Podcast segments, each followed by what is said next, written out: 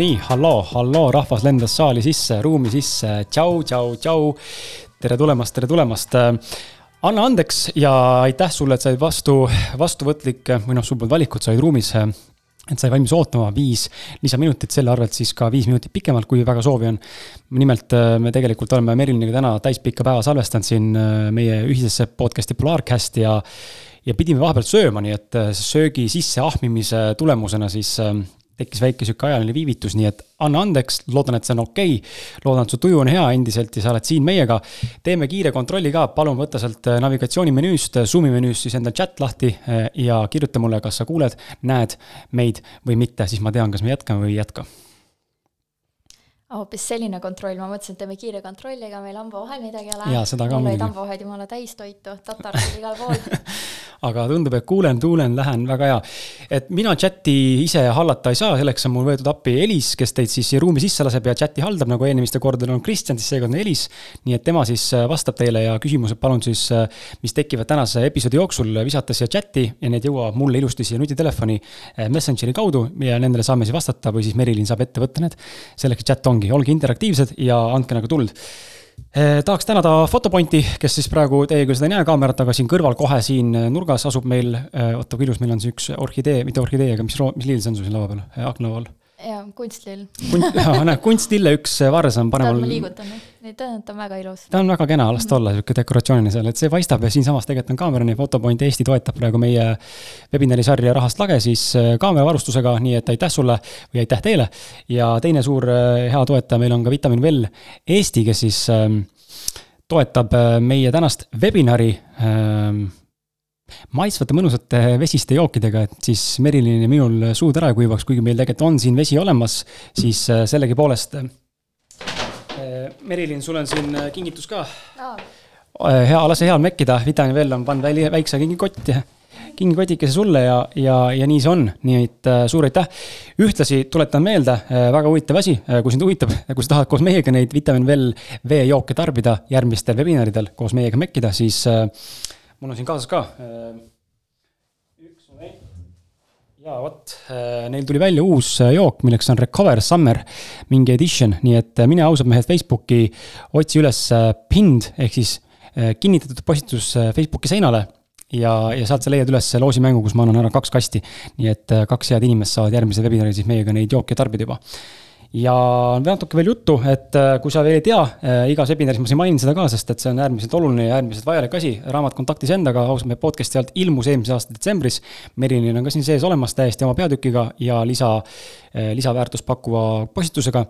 ja samuti on siin veel nelikümmend kuus inimest koos minuga, kes on oma panuse sellesse raamatusse andnud, tegemist on esimese saja episoodi pealt kokku kogutud hääd, hää, hää, hää, hääde ja heade mõtete kogumikuga, nii et kui on huvi, siis Elis viskab selle vastava lingi meile sinna chati, kus see kätte saada ja on võimalus endale tellida. ja kõige tähtsam uudis, mis on min-, väga huvitav uudis, on see, et äh, me oleme sotsiaalmeedias, ausalt meie podcast'i alt väga palju reklaami viimasel ajal mm, siukseid vihjeid andnud, kümme, kümme, kakskümmend üks ehk siis kümnes oktoober aasta kaks tuhat kakskümmend üks, mis on meil umbes poole aasta pärast.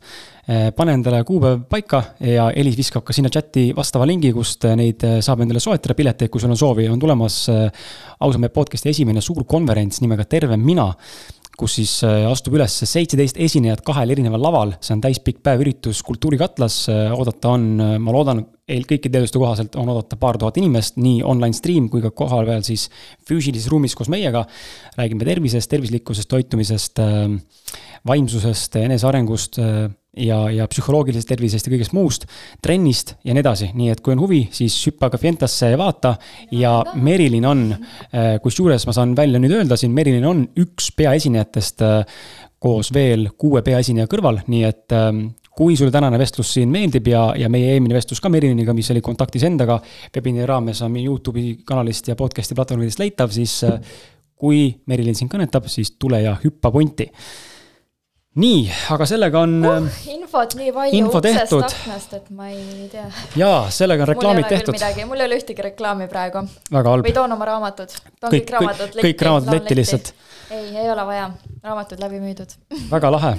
ma teen sissejuhatuse Merilinist ja, ja siis juba lähme kohe asja kallale nii et äh, jaa, Merilin teeb siis aktiivselt trenni, äh, tema südameasjaks on tervislik eluviis. ta on kirjutanud viis retseptiraamatut, millest viimased kolm ka ise kirjastanud, mis tähendab seda, et ise finantseerinud.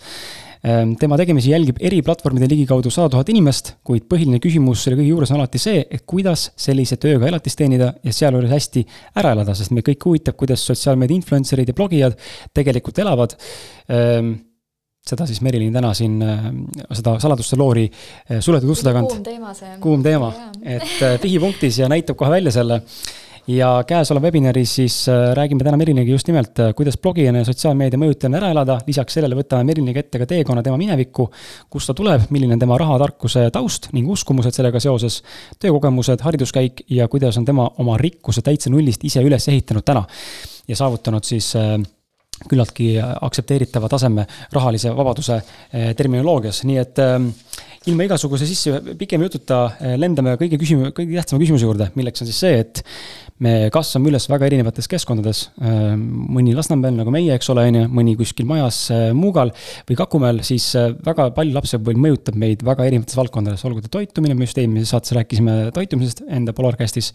kui on huvi, mine kuula. palju on kuulajaid, visake kommentaar, kui palju on meil just. Polarcasti kuulajaid. kas on üldse jah, ja kui ei ole, siis tasub minna kuulama.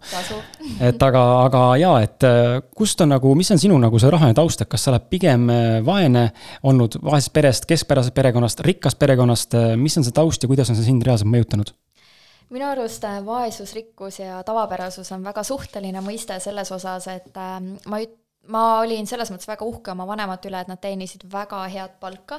Mu isa on äh, siis IT-alal alati töötanud ja IT-ala on hästi tasustatud, ütleme nii, ja ema on lihtsalt ülihea müügiinimene ja väga töökas naine, kes mitmel töökohal ka töötanud, nii et sissetulek oli keskmise eestlase kohta ikkagi kõrge.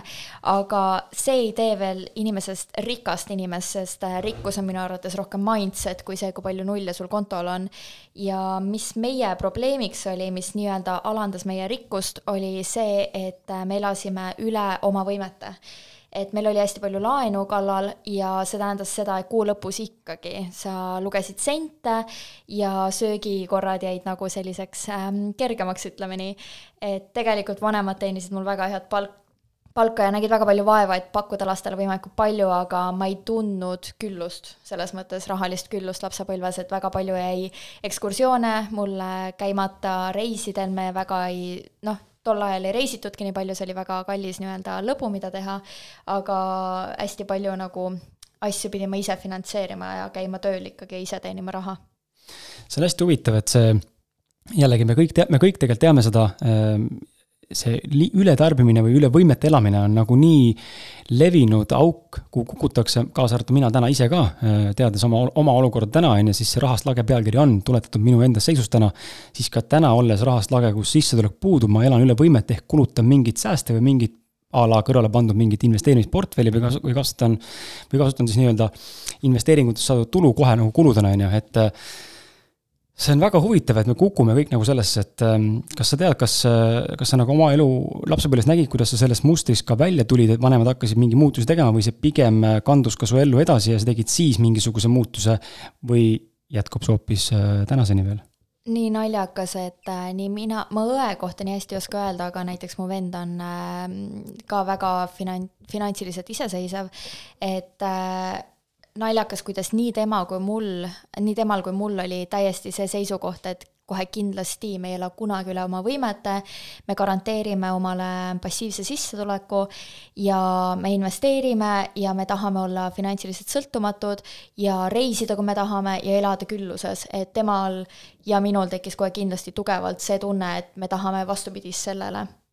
Ja minul tekkis eriti tugevalt, temal küll see osa ei olnud nii tugev, aga mul on mingisugune äh, laenude, laenud on mulle kuidagi nii vastumeelt, ma käisin ülikoolis ja kui ülikool oli veel tasuline, siis äh, mina ei olnud nõus õppelaenu võtma, nii et äh, ma seadsin eesmärgiks töötada nii kaua, kuni ma teenin selle raha kokku. Ja kolmeteistaastaselt läksin tööle ja ma teenisin selle raha ja teenisin sinna peale ka veel, nii et ma sain oma elu elatud omaenda rahast, aga Äh, õppelaen oli mul jah, põhimõtteline ei, nii et äh, esimene aasta ülikoolis Tartus käidud, äh, õppemaks makstud ja ka üürikorter makstud, siis mul oli juba raha otsas, et kui palju sa suudad kooli kõrvalt raha teenida, on ju.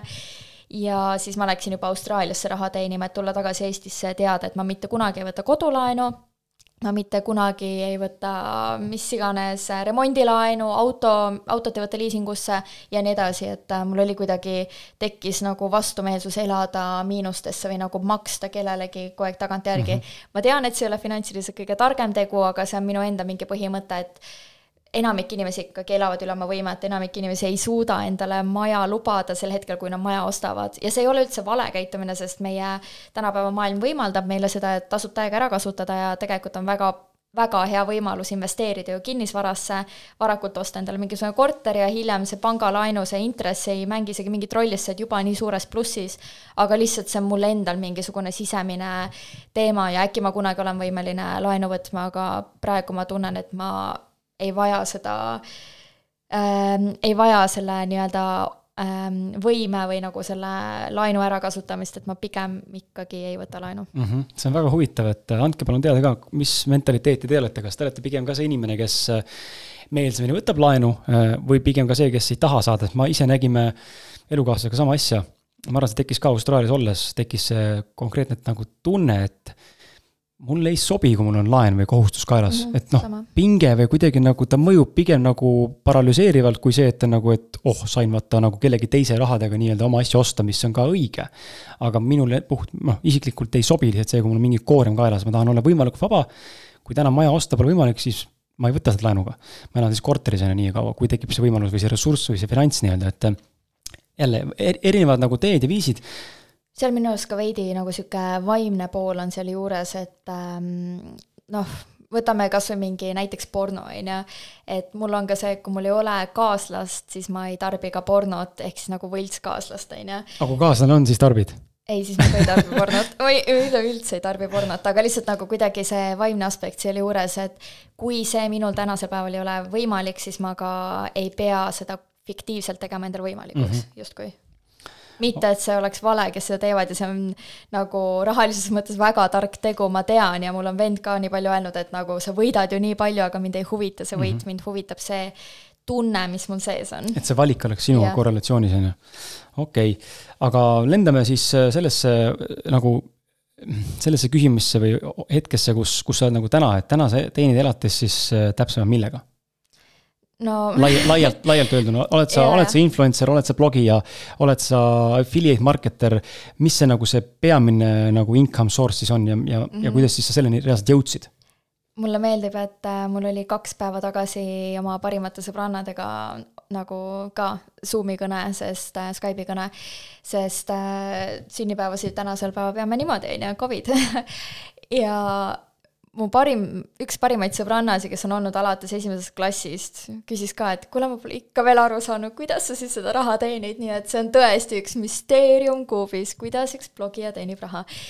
et ähm, ma räägin siis üleüldse, äh, mis nende viimaste aastatega oma tegevus, äh, tegevusega, kuidas ma raha teinud, ma ei võtaks siia tänast päeva, sest tänane päev on väga keeruline päev mu jaoks ja ma olen lahti lasknud väga paljudest sissetulekutest, nii et äh, ma ei võta tänast päeva siia, sest see oleks suht depressiivne, ütleme nii.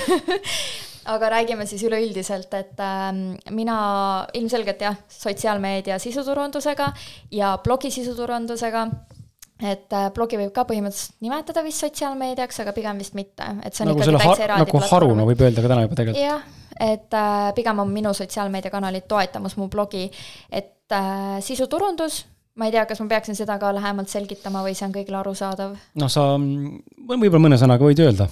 Okei okay, äh,, klassikaliselt, klassikaliselt, kuidas minu puhul käib see, on äh, see, et äh, mina ei küsi oma jälgijatelt, oma lugejatelt raha, ei küsinud, sest ma olen muutnud, nagu ma ütlesin, ma räägin -hmm. pigem see, mis on alati nagu sihuke klassikaline viis, ma ei räägi sellest, mis tänasel päeval on. aga ei küsi oma lugejatelt ja jälgijalt, jälgijatelt raha, vaid äh, noh, näiteks võtame ükskõik mis uudisteportaali, on ju, et sa loed uudiseid ja kust nemad oma raha saavad, on siis reklaampinna, reklaampinna väljamüümise eest, on ju.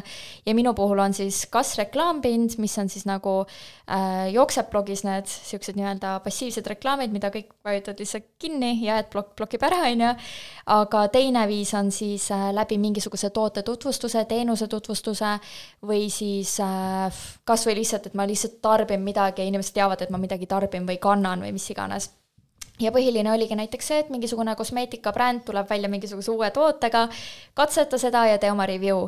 Ma tean, et turul on kindlasti selliseid blogijaid ja sotsiaalmeedia inimesi, kes võtavad vastu kõik pakkumised, mis neile tehakse ja on valmis kõike reklaamima täpselt nii, nagu nii-öelda ette nähtakse, aga mul on olnud üpriski palju tegelikult isegi noh, ma ütlen väga paljudest koostöödest ära, mis ei lähe kokku minu väärtustega, tänasel päeval need väärtused on veel eriti kitsad, mis tähendab seda, et mu sissetulek on peaaegu olematu, sest ma ei ole nõus ikkagi painduma oma väärtustest mm -hmm. kõrvale. puhtalt raha nimel siis? jah yeah., et ähm, aga alati on olnud ikkagi see, et näiteks kui keegi ütleb, et ütle seda, siis mul tekib automaatselt plokk, nagu mm -hmm. ma ei ütle seda, mis sa mulle ütled, vaid ma ütlen seda, mida mina ütlen, et mina jään oma sõnale truuks. ja see sisemine hääl on mul alati olnud hästi tugev ja ma ei lase sellest nagu üle astuda. see ei ole alati nii olnud, see on tekkinud viimase paari aasta jooksul kohe kindlasti, kus ma läksin, astusin kontakti iseendaga aga varasemalt kindlasti ma olin nagu paindlikum, aga aga jah, igal juhul siis minule tasustatakse selle eest, et mina tutvustan oma jälgijatele või lugejatele mingisugust toodet, pakun ka sooduskoodi, auhinnamängud on veel eraldi kategooria, ja siis äh, nemad saavad vastu reklaami. ja siis jälgija on nii-öelda, tema selles mõttes ei maksa millegi eest, aga kui ta tunneb, et teda huvitab see toode või ta tahab ka seda proovida, siis tema maksab pigem otse nagu sellele ähm,, kes ostis turundust siis minu kliendile otseselt, nagu temast saab kas klient või siis proovib toodet või mis iganes mm. -hmm. et nagu see ring käib niipidi lisaks siis, äh, nagu te teate, ma kirjutan retseptiraamatuid, neid on mul viis, käsil on kuues ja väga-väga erutav ja erutav. erutav mm,, erutav väga apetiitne raamat ja siis äh, see oli täiesti passion project, mul ei olnud plaanis seda turule saada. ma lihtsalt äh, olin kunagi toidublogija ja ma unistasin täiega näha oma retsepte raamatukaante vahel. ja Austraalias, kui ma tegin nagu sellise või noh, mulle tehti selline ühekordne nagu ainueksemplar, lihtsalt raamat, kuhu vahele pandi minu toidupildid ja mhm. retseptid mm, -hmm. sest ma jagasin retsepte Facebookis. ja ma mäletan, kui ma nägin seda kaante vahel, ma hakkasin lihtsalt nutma, ma mingi see on mu unistus, ma tahan mm -hmm. kirjutada oma raamatu. ja see oli äärmiselt raske, aga ma tegin selle ära ja sellest saigi lihtsalt nii tugev kuidagi kireprojekt, et äh, minuga võttis kirjastus ühendust Eestist ja kuigi mul oli ingliskeelne raamat, siis nad äh, kirjastasid seda Eestis, tõlkisid ise ma olin veel Aussis, ma tulin tagasi aasta aega hiljem, nägin esimest raamatut.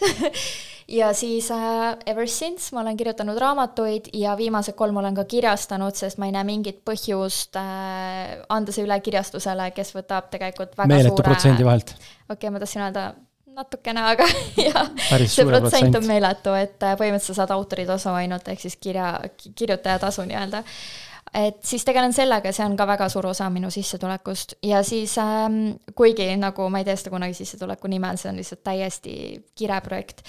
Ja siis on esinemised äh,, kus mind kutsutakse kas näiteks mingitele üritustele ähm,, koolidesse, online esinemisi, webinarid, mis iganes nagu esinemisi, aga need on enamjaolt heategevusprojektid, kus ma siis äh, räägin tervislikust toitumisest lastele hästi tihti või siis äh, vaimsest tervisest või oma nagu elukogemusest kogemusest, kuna ma olen olnud anoreksia küüsis, siis ma räägin ka toitumishäiretest ja nii edasi, et need on rohkem nagu lihtsalt, et anda ühiskonnale tagasi. aga need on, vahepeal on ka tasustatud esinemisi, et need on põhimõtteliselt kõik vist, jah. vist ja siis laupäevalt tuleb veel, siin on mul see, siis no, mul on, on see. üks jokker ja üks teine jokker. okei okay., tegelikult mul üks küsimus ka, ma püüan nüüd natuke mõelda Ehm, mis see küsimus olla võis, kui teil on küsimusi, palun siis küsige, ma korra üritan mõelda, mul oli vahepeal üks küsimus, ma ei seganud jälle vahele, ma pean hakkama vahele segama mm -hmm.. okei. Ehm, kurat, ei tule meelde. Äh, lähme siis edasi, et ähm, räägime nagu, võib-olla räägime nagu selle osas, et äh, raha küsimine mm,. vaata, see eneseväärtustamine on ka üks nagu hästi oluline punkt. Äh, ja seda räägivad peaaegu et absoluutselt mm, kõik inimesed, kes on kuidagi mingil viisil raha kokku puutunud või oma, oma toote nagu teinud või oma teenust müümas siis see eneseväärtustamise küsimus ja, ja ma ise ka täna maadlen sellega, et see oleks nagu võimalikult noh, ikkagi kõrge ja pigem, pigem täna ta on nagu ma näen madal, on ju, ma pigem nagu tahaks üle nagu anda inimestele ise siis kahjumisse jäädes. ja ma kujutan ette, et see võib olla nii, nii vägagi paljudel on ju seesama probleem. et ähm, kuidas sul on olnud eneseväärtustamisega nagu lood ja, ja kas see on olnud kogu aeg nagu paigas, on ta täna üldse paigas või on ka samamoodi, see on nagu muutuv karussell või Ameerika mäed? No kui me räägime siin täna raha teemal, siis raha osas mul on eneseväärtustamine alati paigas olnud, sest minu elu õppetund ei seisne seal, millest me oleme ka Polarcastis rääkinud. minu enesevääri, väärtustamise õppetund oli hoopis äh, enesearmastuse teemal äh,, kehapildi teemal ja ka nagu ähm, tunda, et ma olen armastatud et äh, see oli minu eneseväärtustamise õppetund, aga raha osas mul ei ole kunagi olnud seda tunnet, et ma ei väärtustaks ennast, et ma julgen küsida, ma julgen paika panna täpselt, mis ma väärt olen ja ma nagu ei lase endale pähe istuda. kuidas sa selle hinna nagu paika paned, et kui me hakkame nüüd mõtlema, et a la meil on nüüd siin klaas äh, vett on meie toode, nii, siis mismoodi me selle hinna paremale nagu... näite parema näite peale ei saa tuua, siis ma ütlen, et sul on kehv toode ja ma lähen võtan oma filterkannust parema. okei okay,, aga, aga isegi filterkannu oma on ju, kuidas me nagu seda hinnastame või kuidas ma selle eest siis nagu raha hakkan küsima, et. või kas see tänane meie webinar on ju, vabalt oleks võinud olla see tasuline, et kuidas ma mm, -hmm. kuidas ma nagu siin jõuaksin sellisesse kohta, et ma saaksin päriselt oma asja eest küsida raha. ja kui palju küsida, kas ma pean küsima sellise summa, mis tekitab ebamugavust, nagu paljud mm -hmm. ütlevad. Mhm. või sellise summa, et vaata, et eh, oleme kindlad, et ta ikka tuleb, vaata, et kakskümmend on palju, ma tõmban siis kümne peale, siis kümme on kindel mulle meeldib, et see küsimuses, küsimuse suur sõna oli eneseväärtustamine. ja kui me mõtleme, mis hetkel sa tunned, et sa saad küsida raha oma toote eest, on täpselt see hetk, kui sa tunned, et sa annad piisavalt palju väärtust välja, et sa oled nii väärtuslik inimestele, et nad on nõus maksma selle eest, et sind, sind saada, on ju ehk siis tegelikult see küsimus juba ütles vastuse ära, et kui sa oled piisavalt väärtuslik. mina olen vä-, lõi-, mina lõin kusjuures väärtust äh,, ma alustasin blogimisega aastal kaks tuhat kaksteist ja oma esimese ma ei ütleks isegi palga, sest mul ei olnud, ma alles alustasin siis OÜ-ga, sest ma sain teada, et keegi on nõus mulle üldse maksma midagi, aga mu esimene rahaline sissetulek siis äh, ühekordse postituse eest oli äh, kas ta oli, oota, seit-, ei, seit-, seitsekümmend viis eurot blogipostitus ja sotsiaalmeedia kõik ja see oli aastal kaks tuhat viisteist, ma olin selleks ajaks teinud kolm aastat tasuta tööd ilma üldse midagi sellega teenimata mm. -hmm. ehk siis sellest ala, sellest alates, kus bränd nägi, et ta loob väärtust ja ta isegi ei kahelnud, et ma ei ole väärt seda raha, vaid ta kohe pakkus välja, ta isegi ei küsinud, kas sa teed tasuta, vaid ta ütleski, et aa, ma pakuksin sulle nii palju ja nii palju raha ja tänaseks päevaks ma olengi ehitanud üles siis sellise nii-öelda noh, selles mõttes nagu äh,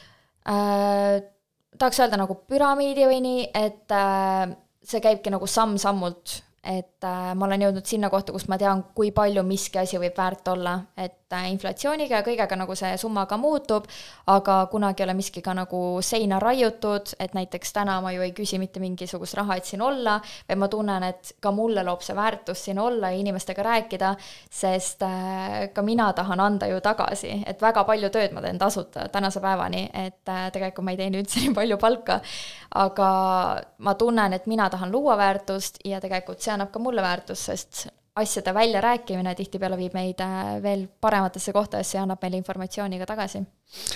see, me kohe jätkame siit selle, kuidas siis enda väär-, eneseväärikust nagu äh, või väärtustamist suurendada. Äh, aga mul tuli meelde, ma tahtsin öelda, tahtsin seda öelda sulle, et selle näite kohaselt, et sa ei võta vastu kõiki diile mm. -hmm see näitab ka tegelikult eneseväärtustamist mm -hmm. ja enda väärtuste eest seismist ja mul on, mul oli sarnane kokkupuude oli siin nüüd, ma arvan, kaks nädalat, kolm nädalat tagasi äkki meie podcast'is Ausad mehed kui mõni kuulaja äkki teab, siis veel, veel ei ole väga jõuliselt seda tulnud, alles, alles, alles kogume hoogu, aga hakkan nagu müüma reklaami, klippe. ehk siis ettevõtted saavad osta reklaami a la kakskümmend sekundit, mina loen ette vägagi nagu minu koostatud tekst läbi mu enda kogemuse. ja siis üks ettevõte oli nõus diili võtma mult kuuks ajaks reklaam ja pakkus välja, et ta tahaks saada ka nagu pärast reklaam, nagu seda standardreklaamklippi tahaks saata saate alguses nagu nendest, nendest rääkimist külalisega ja ma ütlesin, siis mul kohe, kohe nagu see soovimine tekkis nagu totaalne error, noh et ma ei saa teha seda lihtsalt sellepärast, et sa nagu tahad, et me räägiks sellest. et isegi kui see bränd on kihvt ja tore, siis ma ei suuda teha, kui mul puudub isiklik nagu samastumine või kogemus, et miks ma peaks nagu seda tegema. ja, ja siis ma ütlesingi talle ei ja ta ja lõpuks siis äh, tuleb välja, et ei võtnud ka seda äh, pakkumist reklaamiostuna, on ju, sest talle ei sobinud see, et rohkem ei räägitud kui ainult see standard kakskümmend sekki klipp, on ju, kuigi me just seda müüsimegi mm. -hmm. et äh, ma ei suuda ka nagu minna Äh, kuskile vestlema, kus, kus puudub nagu igasugune relevantsus minu ja minu brändi või olemusega, see on nii fake nagu sõnum, mis sa välja kiirgad sellest ja see, see ei ole see, mis inimesi kõnetab. enne kui sa mõtteid jagad, ma panen korra kaamera kinni, kaamera käima. ma siis äh, jagan siia seni, võin siia jagada seni mõtteid või? Ähm, see nüüd ei puuduta otseselt minu rahalist sissetulekut või midagi, aga kui meil on siin natukenegi turundusinimesi vaatamas, siis jumala eest, ma ma arvaksin, et see on nagu common sense, aga nii palju, kui mina olen näinud ja mu kaaslane oleme näinud, siis ei ole üldse common sense, kuidas äh, suhelda nii-öelda reklaamipakkujaga, ehk siis antud seisu, antud olukorras siis minuga või ükskõik mis sotsiaalmeedia sisuturundajaga või siis äh, blogijaga, mis iganes, ära kunagi ütle, et näiteks, et ma teen sulle kingituse, vastu ma tahan või ainult siis, kui sa ära pane kunagi ultimaatumi ette ühtegi sisuloojat ega blogijat või mis iganes, ma ei tea, kas neile ka nii mõjub, aga minul tekib automaatselt plokk, kui keegi saadab mulle kingituse, ütleb, et äh, palun siis, või näiteks jaga siis seda Instagramis või tee nii palju postitusi või nii palju klippe või ütle seda, mul on nii plokk ja nagu minult ei või mitte midagi siis loota, ma ei, kohe kindlasti põhimõtte pärast ei jaga mitte midagi vastupidise, kui keegi saadab mulle lihtsalt ootamatu kulleriga mingisuguse, kas või olgu värska vesi, saadab mulle kaks pudelit vett ja see on lihtsalt nii ootamatu, see on niisugune spontaanne kingitus, et mul on nagu appi kui nunnu, nad lihtsalt mõtlesid mulle, mõtlesid saata ja nad ei küsi mitte midagi vastu. ma tahan jagada, nagu see on äge. et see on lihtsalt nii tüüpiline, ma näen seda nii palju, isegi mitte ainult turundusvaldkonnas, aga ka ma ei, üks asi on konfidentsiaalne kahjuks, ma ei saa seda teiega jagada, aga mul on olnud lihtsalt ääretult halbu kogemusi, nähes, kui halvasti inimesed oskavad suhelda, selle mhm. asemel, et lihtsalt öelda, et nii, ja see on sulle, palun, nad on, ja nüüd ma nõuan vastu seda, see rikub mm -hmm. kõik ära, sealt ei tule mitte midagi, mitte kunagi elus üldse tundub olevat, kui me räägime nagu rahast või kellelegi millegi hea tegemisega, siis tegelikult tundub olevat see selle maailma väike nagu paradoks, et kui sa teed midagi teadmise ja eelduse ja eesmärgiga saada kindlasti tagasi, siis sa lihtsalt, sa nullid selle protsessi, on ju, kui sa teed midagi heast südamest, on ju, mhm. näed, palun, siin on sulle vesi, on ju, ja no string attached, mind üldse ei koti, lähme edasi, on ju, siis nagu see toob hoopis teistsuguse tulemuse, teine tahab ka jagada, on ju. ja see energia on tajutav täiesti. see on, see on väga huvitav, neid paradokse tegelikult üldse raha ümber tundub olevat palju ja, ja mis mind nagu mõtlema paneb ka selle kõige ümber ähm,, on nagu see raha, kuidas nagu sina nagu siis, kui ma küsin, kuidas sa, kuidas sina raha olemust nagu mõistad või mis see raha sinu jaoks on ja vaata, me ikkagi paneme inimestena, no raha on üks suurimaid valdkondi, samuti inimesed on suhted ja tervis, võib-olla midagi veel. kus me siis tekitame selle väga suure nagu attachment'i, kiindumuse ja mingisuguse tähtsuse ja mis iganes veel et siis kuidas sina nagu seda raha mõistad, kas, kui tähtis ta sinu jaoks on äh,? oled sa pigem see inimene, kes äh,, ma ei tea, ütleb, et raha pole üldse oluline, ma võiksin elada ka hütis, on ju, aga kuna ta mul pakub valikuvabadust, siis ma hea meelega kasutan seda, eks ole, on ju, tööriistana nii-öelda. või sa oled pigem see, kes a la raha kummardab, on ju, et tegelikult magamistoas on sul mingi rahapuda, on ju, keda sa iga õhtu musitad, on ju. ma käisin vaatamas aga selles mõttes, et äh, kuidas sina nagu raha nagu mõistad, mis on see raha olemus sinu jaoks? rääkides rahapudast, siis tegelikult mul on see rahapuu rippumas ja ma mäletan, kui ma ostsin selle, ma ei teadnud, missugust äh, taime valida, ma teadsin lihtsalt, et mul on vaja taime, mis ära ei sure, sest kõik taimed surevad mu käes ära nagu koheselt, nagu koheselt. nii et mul oli vaja ellu jääva, ellujääja taime. ja siis mulle soovitati seda ja sel hetkel mul ei olnud veel raha, ma üürisin oma mingit teist, kolmandat, okei okay,, neljandat korterit vist üürisin sel ajal. ja ma mäletan, kuidas müüja ütles, et usu mind, sul hakkab veel raha kasvama. ja see oli nii lahe, kuidas ta ütles seda, ma ütlesin, et tead, ma võtan selle rahapuu ja I kid you not nagu, mul hakkas raha pärast seda kasvama ja ma olen pärast seda olnud külluses. ma ei tea, kas seal on nagu reaalselt mingi seos või mitte, aga mul läks äri õitsema ja kõike nagu mul tuli pakkumisi siit-sealt ja mul oli nii lahedaid koostööprojekte ja kõike, et nagu kõik toimis kuidagi poodi, kus seda saab? rahapood, rahapood rahapoodi igast äh, taimepoest. no kus sa, ma ei näe sind, kus ta sul on äh,? ta praegu seal kardina okay. taga peidus, see, mis mul alati ripub okay., vaata seal, ja ta on ainus ainus taim, mis on mul elanud aastast kaks tuhat kuusteist. ainus. ta ei sure ära, nagu ma ei tee temaga midagi, ta ei sure ära, vahepeal kastan. igal juhul, aga su küsimuse juurde minnes, siis minu jaoks raha on turvatunne nagu mitte midagi muud. kui me võtame evolutsioonilises mõttes, siis kunagi oli meil see, et meil oleks äh, võib-olla mingi koobas, mingi soe tuli äh,, mingisugune toit laual, on ju, nagu selles mõttes laual, et mees tooks toidu, et mees hoolitseks ja kaitseks ka meid, on ju, naise, naise aspektist võttes, on ju, et laps oleks toidetud, et see oli nagu kõik see turvatunne, aga tänasel päeval, kui me mõtleme, siis raha loob meile kogu selle turvatunde, raha pakub meile katust pea kohale, raha pakub meile elektrit, kütet, toitu ja noh, mõnel juhul võib-olla raha ostab mehe või naise ka, on ju, või lapse, tegelikult ju on, et kui näiteks sa lähed ka viljatusravisse või mis iganes või sa vajad katseklaasi last, on ju, et siis äh, selles mõttes raha pakub sulle ka tegelikult lapse või kui sa üldse pead lapse eest hoolitsema ka ju rahaga. nii et ähm, selles mõttes raha on turvatunne, mis pakub meile kõik need asjad, mida me kunagi pidime ise nagu muretsema ja nüüd ongi naljakas, et nüüd me peame lihtsalt muretsema raha ja siis raha nagu pakub kõiki neid erinevaid teisi hüvesi. et selles suhtes minu jaoks raha on puhas turvatunne, ehk siis äh, asi lihtsalt, mis loob mulle aluse, et ma saan kogu ülejäänud elu lihtsalt mugavalt ja turvaliselt kogeda. Kas see turvatunne võib olla ka sinu puhul ja ka hea kuulaja ja vaataja, kes praegu siin meiega on, et ma ise nagu üritan ka mõtestada, et miks ma seda raha nii väga nagu tahan. noh, ma saan täna oma olemuselt saan aru, ma olen pigem see minimalistlik inimene ja ja, ja pigem nagu ütleme, see kasina poole või kuidagi nagu, et noh, ma ei vaja neid miljoneid, tore, kui nad olemas on, aga ma reaalselt, ma tean, et mulle tegelikult piisaks a la, ma ei tea, kahest tuhandest eurost kuus sissetulekust, mis on stabiilsed, on ju, võib-olla natuke rohkem, on ju. no just, on ju, aga ma, ma nagu ei, ei vajagi nagu rohkemat, on ju.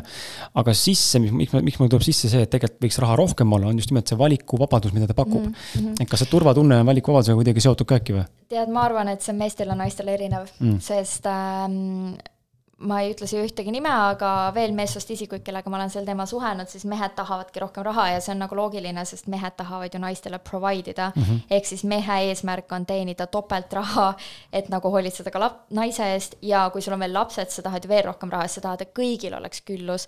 et naine lihtsalt tunnebki ennast veits teisiti, minul ei ole näiteks seda, et ma tahan, et mul oleks palju raha, et osta mehele auto või et et ma tahan, et mul oleks palju raha, et nagu meest mingi välja viia, et muidugi see on ka tore, aga see ei ole naise nii-öelda innate innate nagu loomus, see ei ole naise nagu süva see vajadus mm, -hmm. aga mhm. meeste, mehed on ju kasvanud, mees, meesenergia ongi see kaitsev ähm,, providing ehk siis ähm, pakkuv või nagu hoolitsev energia on ju, selles mõttes Või, nagu võimaldav jah. võimaldav jah ja siis naised on need, kes oma energiaga, oma armastusega ja oma olemusega lihtsalt hoiavad meest ja lapsi ja kõike, on ju, ja pakuvad toidu lauale, on ju.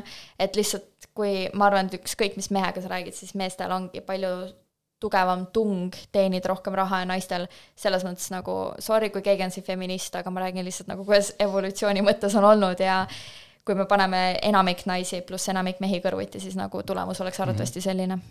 kas äh,, andke teada chatis, kas teil on samamoodi või, et äh, meesterahvad siis, kes siin ruumis praegu on meiega, kas teil on ka see provide imise soov on nii suur kogu aeg tagataustal, et oled sa siis, ma ei tea, tüdruksõbrale, naisele, abikaasale, lapsele, ma ei tea, emale, isale, kelle iganes, mõnel juhul perega vaata, tahetakse pere hästi palju toetada, eriti kui vaesest perekonnast tulnud, et yeah. ka pere saaks kogeda nagu rikkust, on ju, või mhm. nagu natuke valikvabadust ja naistel siis vastupidi, seda on võib-olla vähem, on ju, ja kui on mõni feminist äh, ruumis, äh, siis võib ka käed tõsta püsti ja öelda, et kurat, mina ostsin mehele auto raisk.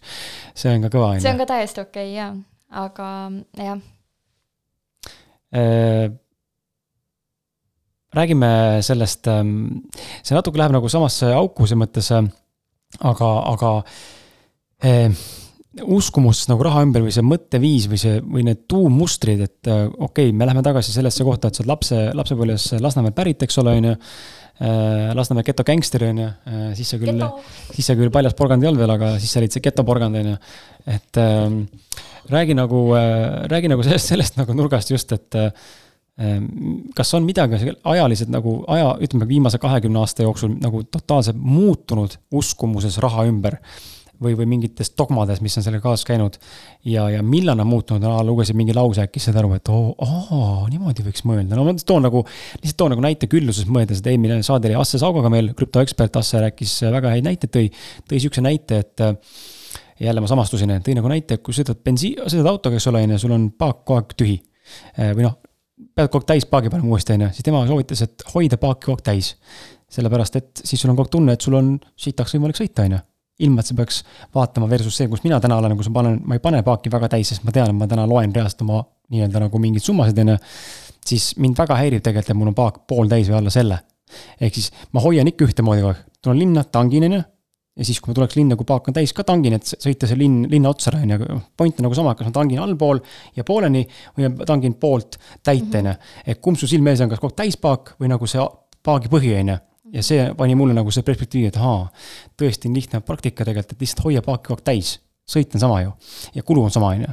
et kas sul on ka mingid uskumused või mustrid, mis on nagu muutunud või mingid hetked, kus sa näed, et on toimunud nagu totaalne mingi shift rahast kui olemusest või sellest, sellest nagu tema nagu arusaamisest ma arvan, et hoopis, hoopis teistsugune äh, asi on mul, et äh, kui ma olin noor, siis ma kuidagi tunnetasin, et mida rohkem mul on raha, seda turvalisemalt ma vaata tunnen ja seda rohkem ma võin nii-öelda elu elada, aga mingi hetk ma sain aru, et mida rohkem ma tahan raha, seda rohkem ma kogun raha ja seda vähem ma elu elan.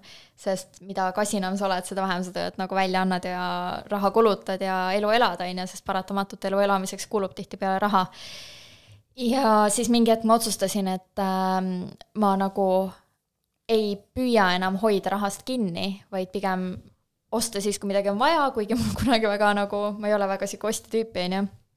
aga näiteks reisimine just, et äh, reisimine on minu südameasi ja teeb mind kõige õnnelikumaks üldse ja et ma nagu ei vaata, ei hoia kinni, et näiteks ah, ma ei tea, just reisisin, just kulutasin raha, vaid ma lihtsalt lähen südamega lihtsalt reisile, naudin seda. et minu jaoks näiteks reisimine on saanud kohaks, kust ma nagu ei karda kulutada raha. ja naljakas on see, kui sa lased nagu raha ringlusesse, sa hakkad seda kulutama, siis seda hakkab tulema rohkem tagasi et tegelikult vaata, sa lood endale palju rohkem võimalusi, kuidas jälle raha teenida, et olgu mis iganes, sa saad mingi inimesega kokku, kes on, et reisil olles saad mingi inimesega kokku või keegi märkab sind läbi su mingi reisiblogi postituse või siis sul avanevad uued uksed ja uued võimalused ja minu arust üks põhiasju, mida ju ka tegelikult vaimses ähm, maailmas nii-öelda räägitakse väga palju, on see, et äh, kui sa tek-, ainult tühjuses saab tulla nagu midagi uut, et kui sul on terve aeg see noh, ma ei, mitte et ma ei räägiks selle paagi vastu, see jutt, mis sa just enne rääkisid, aga kui sul on kogu aeg nii-öelda paak täis, siis sa ei saa ju kütust juurde panna, on ju. Mhm. aga noh, see, mis näide sina tõid, see omas teemas on täiesti, täiesti õige ja ma täiega nõustun selle mõttega. aga kui rääkida sellest näiteks, et äh, sul on pidevalt nii-öelda puudus, siis äh, sa pead tegema midagi lihtsalt teisiti. et äh, ma kuidagi tundsin, et kui ma hakkasin rohkem reisima, siis mul hakkas rohkem ka reise sisse tulema või näiteks mul äh, tekkisid ka koostöövõimalused reisida ja nagu mind märgati, et oh, sulle meeldib reisida, kuule, ma kutsun sind reisile, et tule ja tutvusta meie riiki eestlastele ja nagu siuksed pakkumised hakkasid tulema, aga enne kui ma hoidsin kogu aeg, et ma hoian raha võimalikult palju kokku, et siis lõpuks ma saan kunagi reisida nagu lah-, nagu hea südamega, et ma ei pea kartma, on ju. et siis nagu ei tulnud mitte midagi, keegi isegi ei teadnud äkki, et mulle meeldib reisida, on ju, aga kui ma lõpuks hakkasin seda tegema, siis see tuli lihtsalt aknast ja uksest, nii et üks suvi ma ei olnud üldse Eestis olemas isegi. ehk siis äh oota, enne kui siin reisi juurde lähme, tahtsin seda öelda, et see näide, kus hakkab üle ajama, vaata, et mm rohkem sisse ei saa tulla. ma ei tea, kas Robin Sharma on nagu algse näite autor, ma kahtlen, aga ta tõi selle enda raamatus äh, The Monk Who Sold His Ferrari, seal on mm -hmm. toodud näide, kuidas siis munk ja siis üks advokaat vestlevad ja siis see munk siis valab nagu teetassi äh, kannust vett niimoodi, et tass ajab üle juba, on ju, niriseb põrandale ja kõik on märg, on ju, ja siis see vend, teine vend vastas läheb mega närvi, mis sa teed, nagu sa ei näe, et ajab üle, on ju ja siis see munk toob näite, et kuidas saab nagu tulla midagi uut sisse, kui sul on kogu aeg täis, ajab üle, on ju, siis pead tühjendama vahepeal. siis saab tekkida ruumi uue jaoks, on ju. ja see näide mulle ka tookord nagu väga, väga klikkas samamoodi, et nagu sihuke nagu illustreeriv näide, on ju. ja tuleme selle reisimise juurde, siis tegelikult ju sa tahad siis öelda põhimõtteliselt seda, et me jõuame raharingluse juurde. ehk siis, kas see kehtib nüüd, ma mõtlen, kuidas sõnastada, kas, kas siit saab mingi asja praegu välja imeda inimestele, selles mõttes äh, mingisuguse pointi, äh, et kui ma nüüd vahet pole, mis valdkonnas see siis on või mis tegevusega seotud on, et kui ma panen raha selles vallas ringlema ja teen siis seda, siis ta tuleb tagasi selle valdkonna kaudu. Nagu või see, mis sa välja paned näiteks, mingisugune soov ja kui sa kulutad selle soovi nimel mm, -hmm. näiteks see ongi su südamesoov, mitte et ma mingi, ma tahaks jubedalt reisida, tead, ma panen oma raha uude külmkappi nagu vaevalt see nagu kandub üle reisimisse, on ju. Mhm. aga kui sul on mingisugune sügav soov, siis äh, kui sa paned raha sinna sisse, näiteks sulle meeldib räigelt reisida, on ju, ja reisida, pildistada, sa oled mingi, et kurat, mul ei ole praegu veel mingit reisi tulemas, aga tead, ma teen selle ostu ja ma ostan selle kaamera näiteks, millega ma kavatsen hakata reisipilte tegema. ja siis juhuslikult näiteks sõidad Eestis niisama ringi ja juba katsetad kaameraga, hullult äge kaamera, mingisugune erikaamera, mida kellelgi pole, teeb üliägedaid pilte ja sa riputad need Facebooki ja siis näiteks mingisugune mingisugune mis iganes, ma ei tea ähm,, mingisugune travel agency võtab sinuga ühendust, et kuule, üliägedad pildid, et kas oled nõus tulema meiega reisile kaasa tegema pilte näiteks seal. mida iganes, see paneb nagu võimalused käima mm -hmm. ja sama hea näide, mis äh, minul tegelikult elus ka oli, on see, kui sa oled kehvas suhtes ja sa mõtled kogu aeg, et ma peaks sellest suhtest lahkuma, aga ma ju ei taha olla nagu ka üksik ja ma ei tea, kas ma leian nii head kaaslast, et ta nagu hea kaaslane, aga nagu suht õnnetu olen ka ilmselgelt sa ei saagi leida uut ega paremat kaaslast, kui sa ei tekita ruumi uuele kaaslasele mm -hmm. sa oled selle vana inim-, nagu mitte vana inimesega, vaid nagu eelmise kaaslasega koos, sul ei teki kuskilt seda nagu äh, voidi, nagu seda tühjust. ja kui sa lähed lahku, siis sul on võimalus valida ükskõik missugune uus kaaslane. et see on minu arust ka üks üks suur elu õppetund, et isegi kui ma olin mingi, et ah oh,, ma äkki ei leiagi, alati sa leiad parema ja nagu sobivama inimese, alati meid on nii palju. ja samamoodi ka su eluvõimalused, alati on sulle kogu su elu valla. see, kas sa astud selle esimese sammu ise või mitte, nagu ei tasu unistada, et keegi tuleb ja astub sinu esimese sammu. see esimene samm tuleb astuda ja kui see ongi näiteks just see hirm kaotada raha või midagi, siis astu see samm ja kuluta raha jah, see on, kui, kui teil on mõtteid, siis nobedad näppude voor. sa võid mulle ka neid mõtteid jagada, ma tahaks ise seal su telefonis jaa, neid, neid, neid ei ole veel tekkinud siia ah,, veel okay. ei ole küsitud, selles mõtlengi, et olge interaktiivsed ja küsige, et okay. et äh, mina olen see inimene, kes äh, vot see on mingi huvitav fenomen, ma olen tähele pannud ja ma arvan, et see on paljudel äh, ja paljude asjadega, paljude valdkondadega. kui on küllaga, külluslikult mis iganes, me räägime praegu rahast, mis iganes summast, no minul näiteks tekib see tunne automaatselt sisse, kui mul on juba ütleme, kontojääk on näiteks a la no ütleme kahe, kahest tuhandest alates. võib-olla tonn viissada on sihuke juba tunne, et ma olen nagu fucking bowler, vaata, pritsin pappi täiega, on ju. Äh, ja on väga hea olla, suudan olla loominguline, ma ei ole pärsitud sellest, et raha saab otsa, võib-olla isegi kui sissetulekut ei ole, siis ma, kõik on fine. nii kui hakkab lähenema summa tonnile ja alles selle kukub no siis on pekkis, siis mul juba on hirmumõtted, ärevus, stress, pinge, loovus on kinni, on ju. midagi teha ei suuda, oled närviline kodus, paaniliselt mõtled, ajad raha kokku, oled kuradi kooner on ju, ma ei tea, mis iganes veel, on ju. ehk siis see on nagu nii huvitav ja, ja seda kiiremini ta läheb ka. ja see on nagu hästi huvitav, et see on nagu nii raske, sa küll tabad ennast sellest situatsioonist ja ma praegu ma tunnen ärevust, on ju, ma olen paanikas, on ju. aga vot ennast nagu peatada ja tunda nagu kuidagi nagu usaldama hakata või, või teha midagi teistmoodi, et see muutuks, seda nagu teha ei suuda ja mul oli, mul oli siin väga huvitav, ma räägin sulle, loen selle lõigu ette teile kõigile, et äkki siis teil tekib mingisugune mõte ja, ja Merilin saab täiustada seda mõtet. Ähm, lugesin äh, siin üks päev jälle, ennast tuleb kuulata, on ju, äh, mitu, mitu kuud on mul olnud peas, et loe äh, Vadim Zeelandi Transurfingu raamatut oh,. see on minu mõttes ka. lihtsalt seisab mul, on ju, ma kaks, kunagi lugesin kaheksakümmend lehte, ta oli too much nagu, et kõik korraga ei suutnud hallata, jäi nagu poolikuks. ja nüüd on kaks kuud tühjus pole üldse lugenud, aga kogu aeg on see mõte vahepeal tuleb sisse, et loe seda raamatut uuesti, nagu loe seda, see võib aidata. sest Iti, Iti Patrick, kes on meil saates käinud ka, tema ütles mulle podcast'is, et see aitas tal ta elu rahaliselt totaalselt muuta. seesama raamat, on ju, okei okay.. ja siis äh, võtsin selle raamatu ette nüüd, üleeile see mul hakkas kassima.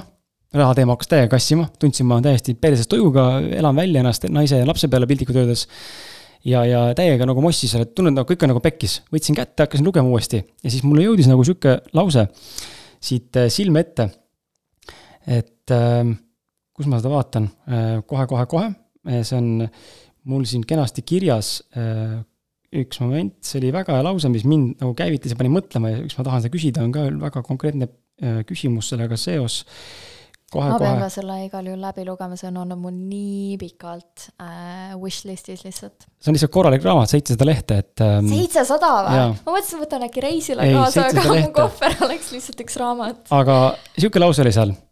inimese elu, nagu ka mateeria mis tahes muu liikumine, kujutab endast põhjuste ja tagajärgede ahelat tagajärg asub alati variantide ruumis lähedal oma põhjusele.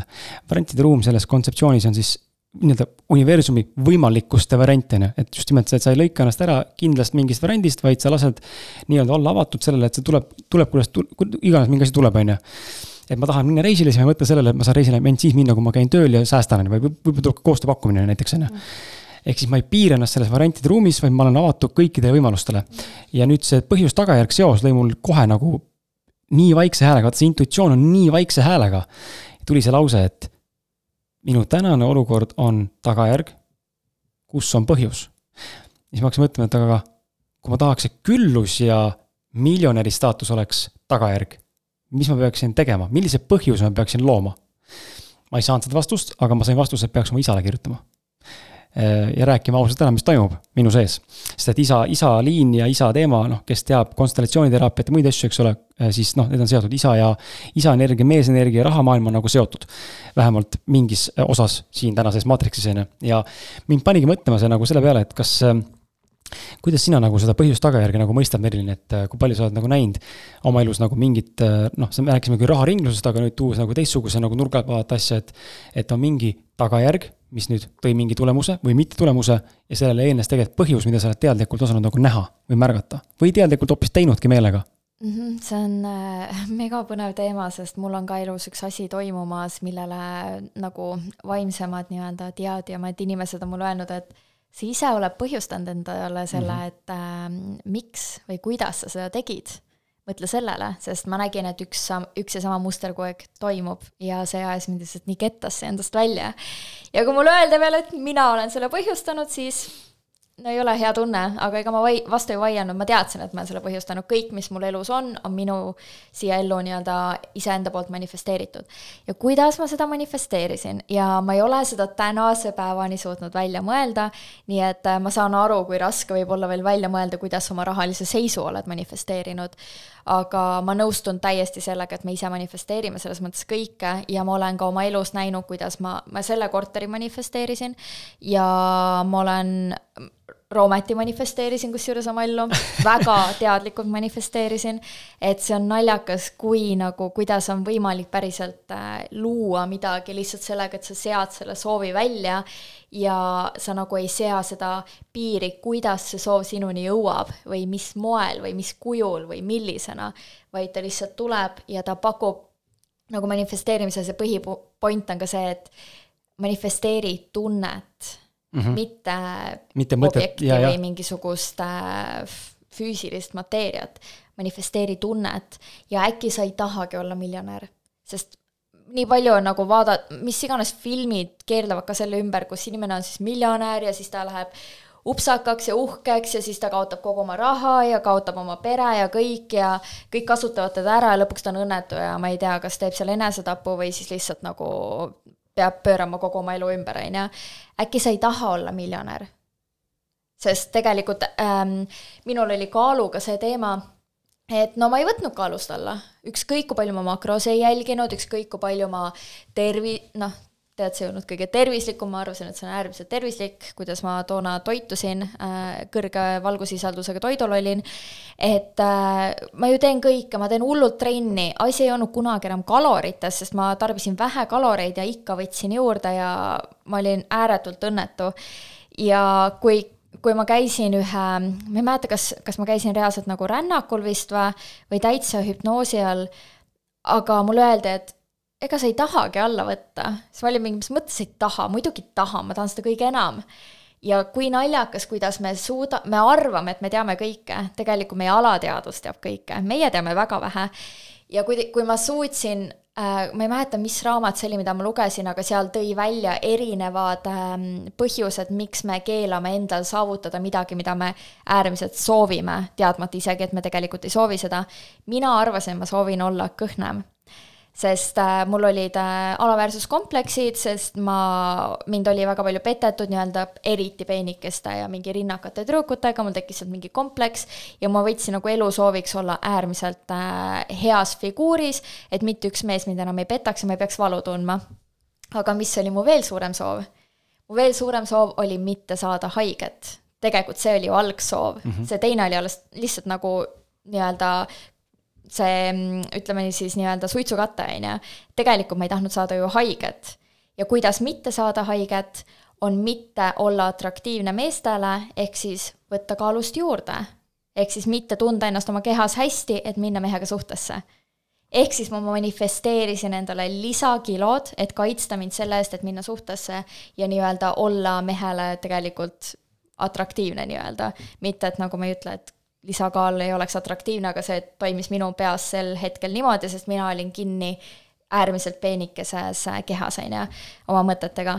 ja kui mulle keegi ütles, et sa ei tahagi olla peenike, või noh, mitte keegi ei öelnud, vaid ma lugesin seal raamatus ja kui mu nagu vastused viisid selleni, et ma ei tahagi olla, siis ma olin mingi, mis mõttes ei taha, muidugi tahan, see on nagu mu põhisoov ju ja kui ma sain aru, et ma ei taha hoopis haiget saada ja see on üks suurimaid kaitsemehhanisme, on kasvatada endale ümber polster, mida ükskõik missugune vaimne raamat ka räägib, et see on nagu põhiline kaitseviis, kuidas ennast nagu lihtsalt kaitsta, on kasvatada endale polstrit ümber, siis seda ma ka tegin ja kui ma lasin sellest mõttest lahti, siis hakkasid tege-, toimuma ka nagu reaalsed nagu sammud edasi, on ju.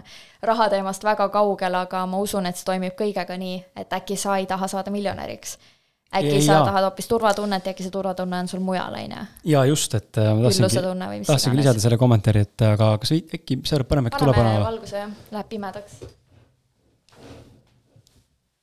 ja kui sa viitsid, äkki sa paned siis selle rek kaameral peeg-, peegliga korra kinni ja uuesti käima et äh, jaa, ma ise mõtlesin ka selle peale sind kuulates ja, ja tegelikult olen ka varasemalt aru saanud, et minu soov tegelikult ei olegi olla miljonär, vaid see miljonäri staatus on see, mida ma tunnen kui turvatunde ja nagu selle valikuvabaduse tekitajana, kui mul on täna soov osta Tesla, siis ma lihtsalt lähen ostan Tesla, on ju. et mitte ma nüüd iga päev teeksin, aga kui ma tahan midagi kogeda, siis ma saaksin seda võimaldada endale, vahet pole, no matter what price on ju, asja küljes on. et selles mõttes on nagu, äh, selles mõttes on jaa nagu huvitav, et huvitav nagu teema selle raha teemaga ja just nagu see lahtilaskmine ka ja kogu see teema, kuidas sa nagu suhestud sellesse ja kui väga sa klammerdud ja väga sa taga ajad, on ju, noh, paradoks on kõigil teada, et see, mis sa taga ajad, jookseb eest ära, on ju. ja see, mille vastu sa võitled, siis sa saad seda võitlust vastu, on ju et eh, see maailm on täis üllatusi ähm,, aga, aga jaa, see Vadim Seelandi raamat, keda, mida mainisin siin, see, see selgitabki, kuidas see maatriks täna siin töötab, vahet pole, mis teemad seal on. nagu need on kõik üht, ühe mustriga loodud põhimõtteliselt. -hmm. Aga meil on küsimus tekkinud vahepeal eh,. kuidas säästmine ja investeerimine kulutamisega suhestuvad? kulutamisega suhestuvad? kulutumisega, kulutamisega suhestuvad kes selle küsimuse küsis, võib igaks juhuks kiirelt täpsustada, eh, ma püüan ka seda praegu seedida, et kuidas säästmine ja investeerimine kulutamisega suhestuvad ma pean tunnistama, ma ei saa aru küsimusest. ma ka päris täpselt ei saa aru, ma arvan, et see on väga laialdaselt küsitud, et täpsusta palun. mingisugune täpsustus oleks jah, väga kasulik ähm,. seni me võime liikuda edasi. jaa, täpsusta palun küsimust, siis me võtame ta ette järgmisena äh,. aga, aga okei okay., okei okay, äh, me tahaks ikkagi seda sotsiaalmeedia elu natuke nagu sorkida, et mm, -hmm. et inimestel tekiks arusaam, et kui inimene täna tahab hakata äh, sotsiaalmeediaga raha teenima, blogijana raha teenima, on ju, siis eh, vaata, sa rääkisid reisimisest, on ju, ja, ma kujutan ette, et eh, väga palju on väärarusaamu, oletusi, eelduseid ka sinu kohta. ja, ja, ja okei okay ühesõnaga ja, ja et väga palju juttu on sinu kohta, on ju. inimesed vaatavad sind, vaatavad influencer eid, vaatavad blogijaid ja vaatavad kedagi, kes sotsiaalmeediaga kuidagi teenivad, siis väga lihtne on öelda, et aga ta saab tasuta asju, vaata ju aga tal on ju, mis tal seal promoda on või tarbida mingit toodet, olla tervislik, kui talle saadetakse lademetes pakkides tasuta asju promomiseks ja ta saab sellest raha ka, on ju. Või, või ta käib tasuta reisil, on ju, et mis mina küll niimoodi teha ei saa, et, et mis on nagu siinkohal nagu kas. et kas see on nagu selles mõttes liiga sapine arvustus või see on tegelikult õigustatud, sest et see ongi ebaõiglane, noh, tähendab kõrvaltvaatajana ebaõiglane justkui, kuigi sa oled oma panuse töö teinud, see on sinu töö vili täna, on ju. et tegelikult kõik võiks sinna jõuda ja teistpidi ka see, et, et kas nagu vastab see tõele, et äh, sina tegelikult eh, oma raha nagu kulutama ei pea ja tegelikult elu ongi tasuta sulle? elu on tasuta, päris ägedalt kõlab ähm,. oota, nii, kust ma siis alustan? alustame siis sellest, et kas elu on tasuta või? jah äh,. ma usun, et elu... elad sa kuningriigis? ei, ma kuningriigis ei ela, aga noh, kui me võtame nüüd jälle need viimased aastad siis nii-öelda, mitte tänase päeva, siis äh, ma ei tea, kuidas on teistega, et on ka ju need nii-öelda mikro influencer'id ja makro, on ju. mis nende vahe on, kus, kust maalt no, hakkab? ongi mingi jälgijate arv ja kui palju ta teeb okay. koostöös ja kui palju ta nagu teenib, et noh, selles mõttes nagu mikroettevõte, makroettevõte, on ju. et noh, Eesti mõistes nagu ma olen maailma mõistes nagu olematu. mikrotasand ei ole isegi, ma olen nano et äh, no Eesti tasandil mind, minule öeldakse ikkagi makro nii-öelda influencer, et äh, ma olen väga pikalt pildis olnud ja väga nagu suure platvormi selles mõttes loonud ja palju sellega tegelenud juba, on ju, aga mikro on siis see, kellel on mingi oma väiksem kommuun ja mm -hmm. nagu niisugune lokaalsem.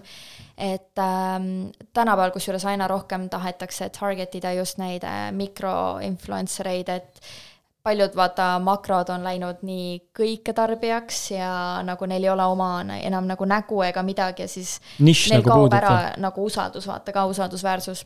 mina olen mikro mikro vist täna, ma arvan, sellise näite kohaselt võib-olla võib nagu öelda jah.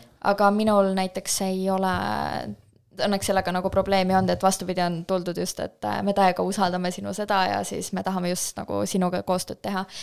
igal juhul ähm, jaa, väga palju tasuta asju on selles mõttes ähm, vahepeal oli isegi nii, et mind häiris ja ma hakkasin väga palju ütlema, et palun ärge saatke, mul ei ole vaja seda, palun ärge tehke, palun ärge saatke, sest näiteks kui mul on ka mingisugune püsikoostööpartner, kellelt võtame näiteks kas või mineraalkosmeetika või midagi, ma saan mingisuguse toote ja näiteks kui ma tellin neilt mingi toote, siis nad saadavad alati näiteks kingitusi lisaks, siis ma olen nii palju hakanud nagu rõhutama, palun ärge saatke mulle kingitusi, ma nagu ei taha, lihtsalt mul ei, ma olen öelnud, ma ei ole tarbijainimene tegelikult, ma olen ka üpriski minimalistliku eluviisiga ja mulle ei meeldi, kui mul on asju, mind häirivad asjad, ma tahaks kõik asjad nagu ära visata, ma tahan, et mu kodus oleks võimalikult vähe asju, on ju ähm, aga näiteks ongi, et mul on toetaja näiteks äh, riiete poole pealt, võib-olla trenni pool, ma siin räägin hüpoteetiliselt, võib-olla riiete poole pealt, trenni poole pealt äh,, mingisugused võib-olla toidukrediidid või midagi, on ju, siis äh, näiteks noh, ega keegi ei tule sulle mingisugust mööblit pakkuma või mis iganes, aga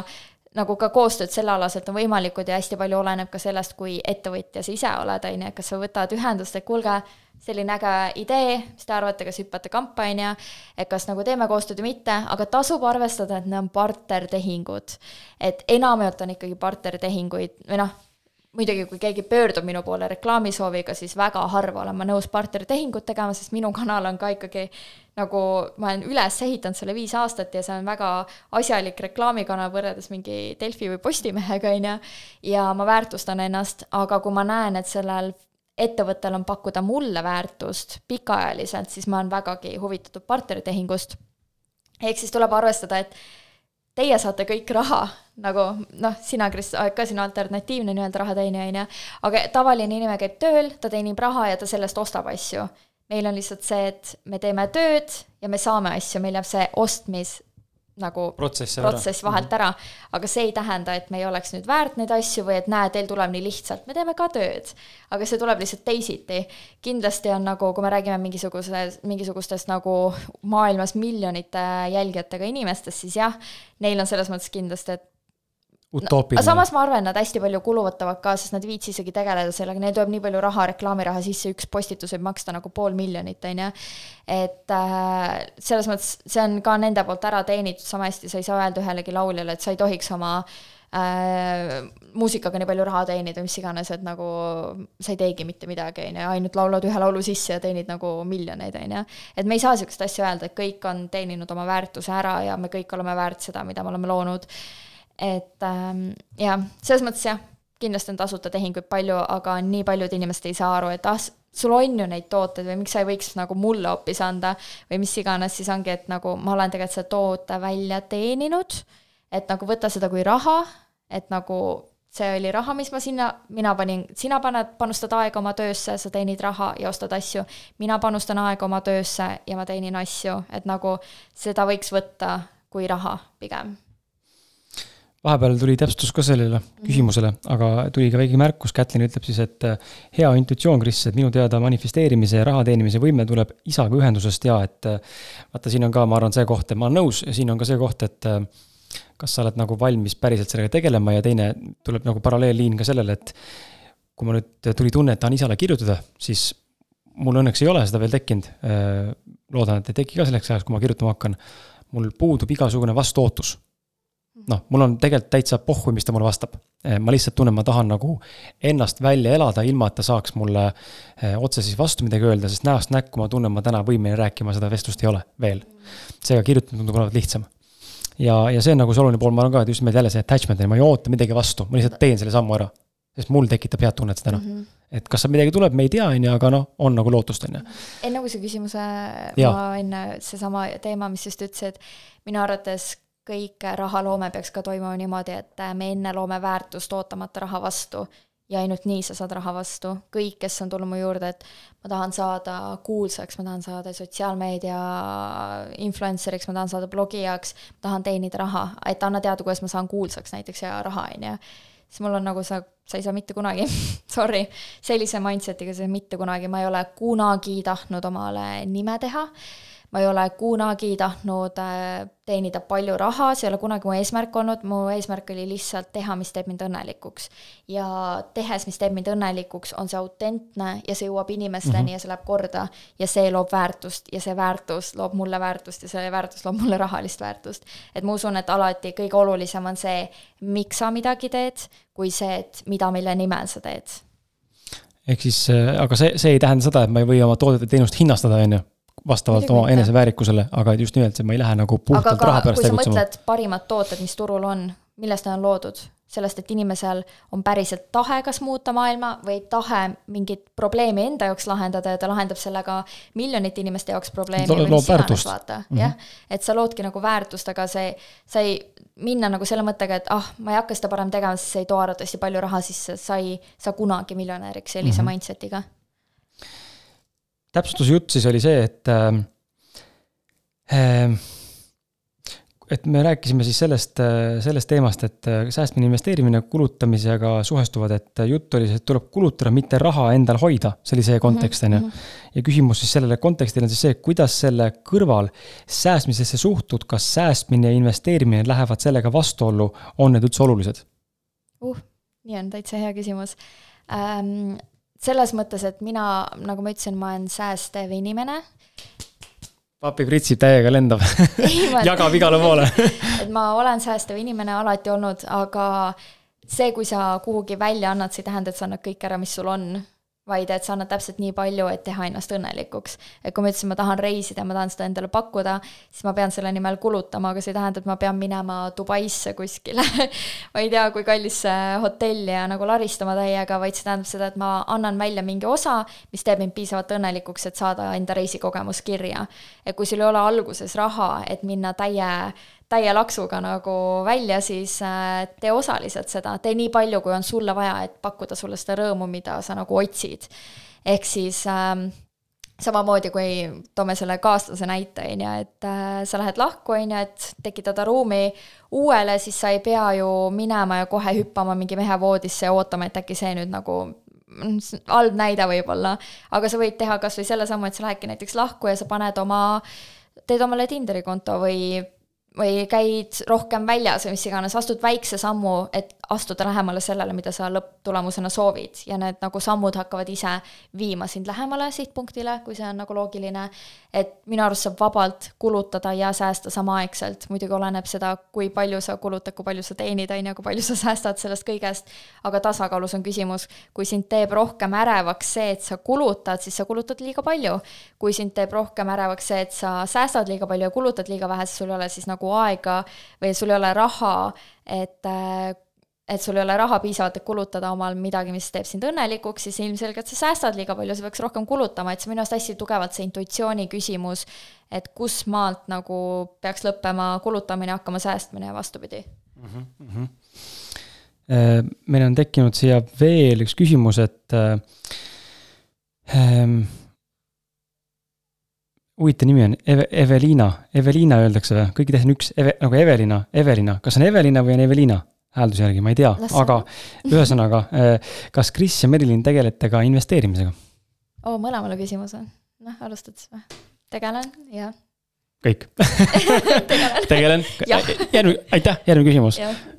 millesse sa investeerid? ma hakkasin kevadel äh, jah, kevadel hakkasin investeeri-, investeerimisega tegelema, sest äh, ma olen öelnud, et ma ei aja kunagi raha taga, küll aga ma olen hea säästja ja oma Austraalia rahad näiteks nad istusid selle aasta, eelmise aastani istusid mul Austraalia pangakontol ja ma pean mainima, et ma tulin Austraaliast ära aastal kaks tuhat viisteist. päris hull. nii et nagu seal oli väga nagu kerge raha teenida, ütleme nii, ja suured summad, on ju. ja mul on kahju, et ma ei pannud neid töösse, aga mul oli nagu meh, ma ei tea, mis, mis ma hakkan neist üle kandma, las nad istuvad nagu hea sääst, vaata ja ma olin kuidagi selle mentaliteediga, et ma ei viitsi investeerimisega tegeleda või nagu ta ei tee mind nagu otseselt nagu, ma ei tundnud sel hetkel tahtmist, seega ma ei teinud seda täpselt nagu, ma ei võta laenu, kui mul ei ole seda sügavat soovi seda teha.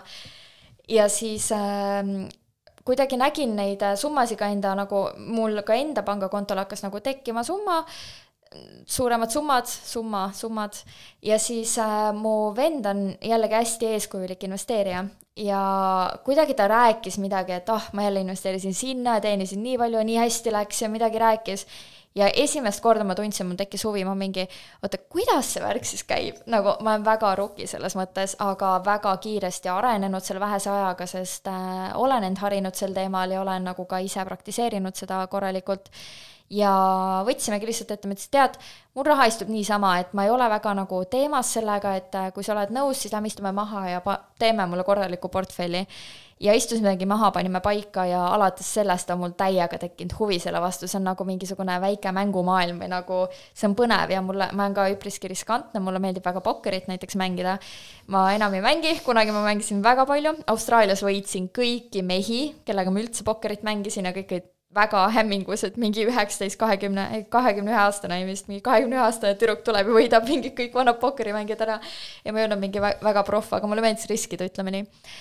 ja praegu seni ma, ma ei tea, ma olengi jäänud investeerimisega tegelema nii idufirmadesse kui ka siis äh, Eesti suurematesse firmadesse, isegi olen USA turul olnud ja siis äh, jah äh,, tegelen ka kinnisvarasse investeerimisega nii et jah, mõningal määral küll. Ja see jällegi lihtsalt tagab passiivse tulu ja kindlustunde ja tegelikult turg on ju alati tõusmas niikuinii. Ja kui ma tean, et mul on piisavalt vaba raha, siis ma tean, et ma ei pea ka kartma investeerida.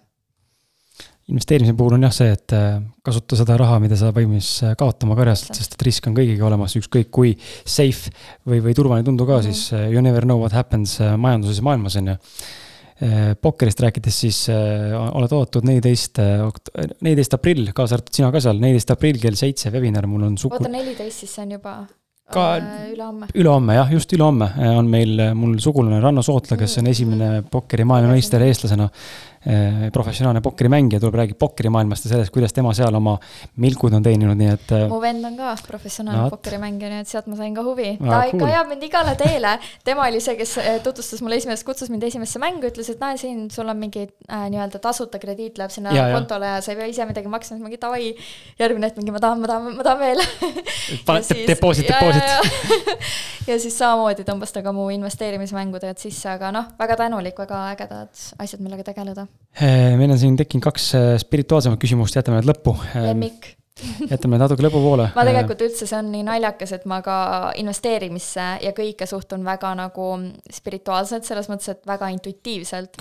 et ma tunnen ma tunnen ära, mis firma tekitab mus hea tunde või missugune nagu aktsia või mis iganes, ma tunnen ära, kuhu ma tahan investeerida, missugusesse missiooni ma tahan investeerida ja mida ma tahan maailmas rohkem näha, ma kuidagi mm -hmm. läbi selle kogu aeg toimetan ja mulle seni ei ole tekkinud nagu mingisugust, mul ei ole olnud mingit suuremat krahhi või kaotust, on ju, aga kuidagi nagu kogu aeg mul on see sisetunne, et see oli hea samm, see oli hea samm ja kui ma astun sisetundele vastu, ma saan kohe vastu. ja, ja see on kohe. väga rets, see on väga rets, mul on samamoodi, et nii palju, kus äh, äh tunned ära nagu, et või sa teed midagi nagu ahtusest ja, nagu ei, ma nagu... ei taha, aga kurat, jube hästi saab praegu pappi teenida, nagu kõik ja, teenivad, ma lähen, et ma nagu ei taha minna, aga okei okay,, ma siis nagu panen mingi summa ja kohe rahast ilma või on äh, kuskil rahad kinni ja kätte ei saa, on ju, et nagu täitsa haige värk lihtsalt ja see on haige jaa, aga mina, mina enda poolt investeerimisega olen selline, sellises seisus täna, kus ma tegelikult saan aru, et äh, ma olen elu, eluaeg edasi lükanud seda, pole nagu huvi olnud loomupäraselt ka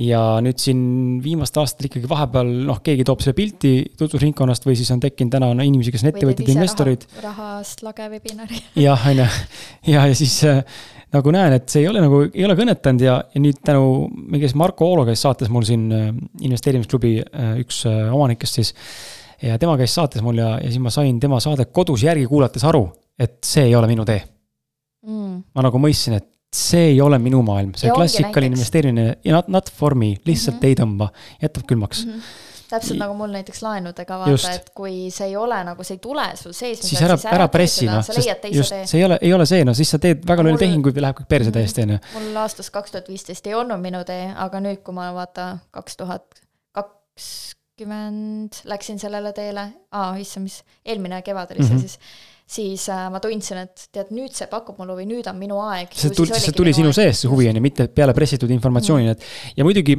jah, te võite vastu vaielda, et ei, aga no kui sa hakkad õppima ja õppima, uurid ja teed, siis sa ikkagi omandad teadmised, jah, sa omandad, aga see teekond ei ole enam nii loomulik või orgaaniline või nagu voolav, kui ta oleks äh, see, kui sa lähed nagu puhtalt südame järgi või intuitsiooni järgi, jah, kõiki asju saab teha ka läbi nagu seina, pead läbi seina ju, või noh, hea näide on ka see, mida üks spirituaalne õpetaja kogu aeg toob, Andrus Vanaine, et võinill pressib ka ennast läbi valu nagu läbi asfaldi, on ju, et see teekond ei ole, on, on tehtav mm, -hmm. aga see ei ole kõige, kõige nagu valutum, saab ka yeah. paremini, on ju kuula ennast.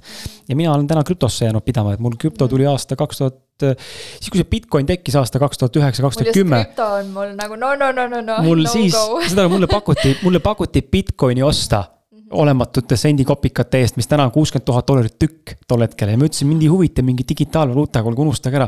ma oleks multimiljardär, aga ma ei olnud valmis selleks. ja nüüd siis kuskil kaks tuhat seitseteist aasta, kui ma olin Hispaanias reisil, puhkasin ja kolm kuud autos elasime naisega, siis käisin sõbra juures külas. kes Hispaanias elas tol hetkel, nemad tegelesid krüptodega ja nägin, kuidas portfellid kasvasid päevaga mingi kümme tonni juures lambist onju, vaatasin, mis asja nagu, et mis kuradi võluturg see veel on. ja ja, ja siis äh, sealt tekkis huvi, hakkasin uurima ja täna olen siis varsti üle kolme aasta vist tege-, tegu-, tegutsenud selles vallas ja, ja nagu ma arvan, et portfoolio on äh, kasvanud ikkagi üle saja protsendi, äh, kaotatud on ka vahepeal tänu kauplemistulemusena, ehk siis ma spekuleerin kas hinnalangusele või tõusule, sellega ma olen mööda pükse saanud. see tundub, et ei ole minu tee, kui väga, isegi kui väga ma ei tahaks seda, siis tundub, et ei ole loomupärane mulle ja, aga muidu investeerimise mõttes krüptosse, siis äh, on, mina investeerin krüptosse jah, ainult krüptovaluutasse. mul on täpselt vastupidi, kõik peale krüpto, aga nüüd natukene olen ka ähm,. Roomet, Roomet sunnib ei, tema on jah, oma teemadel, aga mm, mulle meeldib ka, kuidas on öelnud Abraham Hicks, keda ma kuulan äh, Hay House'ist ähm,, ta nimetab seda vortexiks et äh, kõik, mida sa päriselt südames soovid, siis sul avaneb niisugune vortex mm. -hmm ja läbi selle sa astud sinna vortexisse ja kõik tuleb kergusega, sa küsid, tuleb, keegi helistab, sulle tuleb meilipakkumine, sul lihtsalt kõik tuleb, kõik, mis peab olema, on sulle alati olnud olemas. ja see, kui sa juba tahad seda, ta tuleb sulle, sa pead lihtsalt olema avatud sellele. valmis olema selleks. jah, et sa võid alati, seepärast ma ei usu üldse sellesse, et äh, tee tööd, siis raha tuleb või mis iganes või et näe vaeva ja mis iganes, nagu mulle ei meeldi üldse see no pain, no gain teema mm, -hmm. et äh, minu arvates see ei ole loomulik. kõik, mis me ja. tegelikult südames soovime, peab tulema kergusega. ja mis mulle kergusega ei tule, ma tean, et ei ole minu tee ja selle asemel, et push ida ja jõuda kuskile lõpptulemuseni, avastada, et kurat, see polnudki midagi, mida ma oleks üldse tahtnud, ma pigem ootan kergusega midagi muud enda poole tulemas mm -hmm. nagu. see on väga hea tähelepanek, meil tuli üks, meil tuli üks äh, äh küsimus, see on väga hea küsimus, ma vaatan korra kaamerat saan ise ka vaadata okay., siis sul on kergem. jah, jah mm -hmm.. aja muidugi naine, aja muidugi naine püsti, on ju, et äh, väga viisakas, väga džentelmen. kuule, võtsid aja püsti, vaata, et äh, minna teise ma ei viitsi. väga hea. jah, meil on viisteist minutit jäänud äh,. küsimus, mis äh,, küsimus, mis siia sisse tekkis nüüd äh,, see on väga huvitav küsimus, see on väga adekvaatne küsimus, aitäh sulle, Eliise äh,. kuidas saada oma äri või nišš käima ja see on nüüd see koht, kus mina täna tahaks sulle öelda vastuse, aga ma ei oska sulle anda, sest ma ise ei ole täna veel siin kohal, ma teen asja, see teekond, millest, seesama näide, mis Merin just rääkis.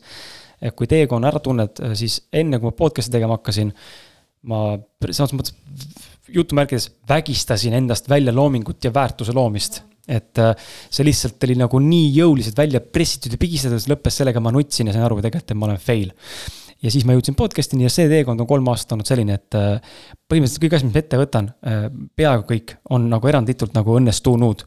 Äh, ja enamus on nagu nii voolav, et mul noh, reaalselt tehnikat kingitakse inimesed, no see on ebareaalne, mis toimub.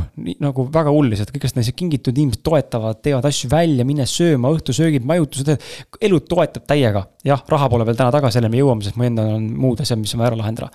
aga Merilin oskab täna kindlasti rääkida sel teemal, et kuidas äri nišš, äri või oma nišš nii-öelda siis käima saada, mis on see, see asi, mis sellele vungi kütte üles annab? nii, kütame kuumaks kusjuures see on väga küsitud küsimus ja ma olen varem alati öelnud nüüd Kris on mingi jaa ma olen alati varem öelnud, et ma ei tea. Või nagu ma lihtsalt tegin ja lihtsalt juhtus, vaata.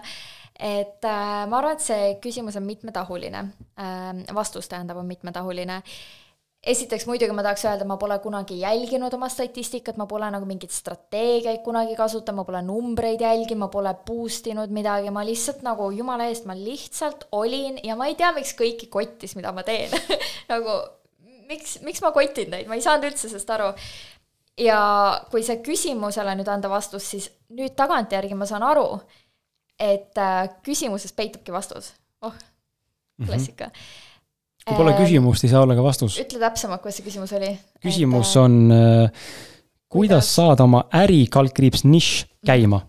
kuidas oma nišš käi-, saada oma nišš käima, on leida oma nišš ja olla täielikult oma nišis ja täiesti unapologetically nagu lihtsalt olla täiesti mina ise, ma ajan oma rada, et näiteks nii palju mulle öeldud, et kui sa nagu oleksid veits rohkem sihuke, et sa räägiks nendel teemadel või et sa äkki sa nagu ei kasuta selliseid sõnu mm -hmm. või äkki sa nagu ei naera nii koledalt või nagu mul on nii palju öeldud, ole rohkem see või see, kõik üritavad sind natukene mugandada, et sa käiksid nende rada. kui sa jääd nagu täiesti iseendaks, sa paistad välja ja kõige olulisem minu arust ükskõik mis brändi juures on otsida oma erilisus. millega sa paistad silma, mida sa teed teisiti, mis on sinu sõnum ja mis on sinu kasvõi vast-, kõige vastuolulisemad ärid on ka kõige edukamad ärid mm. -hmm. nii et mida rohkem sa, sind vihatakse, seda rohkem sind armastatakse. nii et mida rohkem sa silma paistad mingisuguse teistmoodi asjaga, mida rohkem sa oled sina ise, seda, no minu on selles mõttes kerge rääkida, et ma olen nagu, ma olen self-brand, on ju, et ma olengi see ongi minu imago, mida ma nii-öelda sina oledki toode, noh, põhimõtteliselt. mina olen ma ei tahtnud seda öelda, aitäh sulle. sa oledki toode, see on oma hind, vaata jah, ma olen nagu plastikarbis barbinukk kuskil poes, silt on küljes. jess, et äh, seda rohkem sa lähed nagu inimestele korda, sest ma olen olnud sellises kohas, kus ma olin mingi, et ah oh,, inimesed tahavad raudselt, et ma oleksin rohkem selline, selline, selline. Ja ma muutsin ennast, ma hakkasin väga palju rõhku panema oma välimusele ja see lihtsalt nagu peegeldus nii hästi, see mu ebakindlus, et inimesed tajusid seda täiega ja ma kaotasin räigelt nagu jälgijaid, muidugi tuli ka juurde mingisuguseid ilastavaid perverte, on ju, aga ma ei loe neid nagu jälgijate plusspunktiks, on ju. et ähm, et jah, tagantjärgi on hästi paljud mulle öelnud, et ma lõpetasin su jälgimise sel hetkel, kui sa muutusid mm. -hmm. ja seda on nii palju öeldud, et ma arvan, et me peaksime okay., ja selles mõttes jah, aga minu muutus ei tulnud siit kohast, vaid minu muutus tuli sealt mm, -hmm. mida ma arvasin, et inimesed soovivad ja ma muutsin ennast vastavalt. ja lõpuks oledki nagu mingisugune hall mass, kellel polegi midagi öelda, on ju, või millegagi välja paista.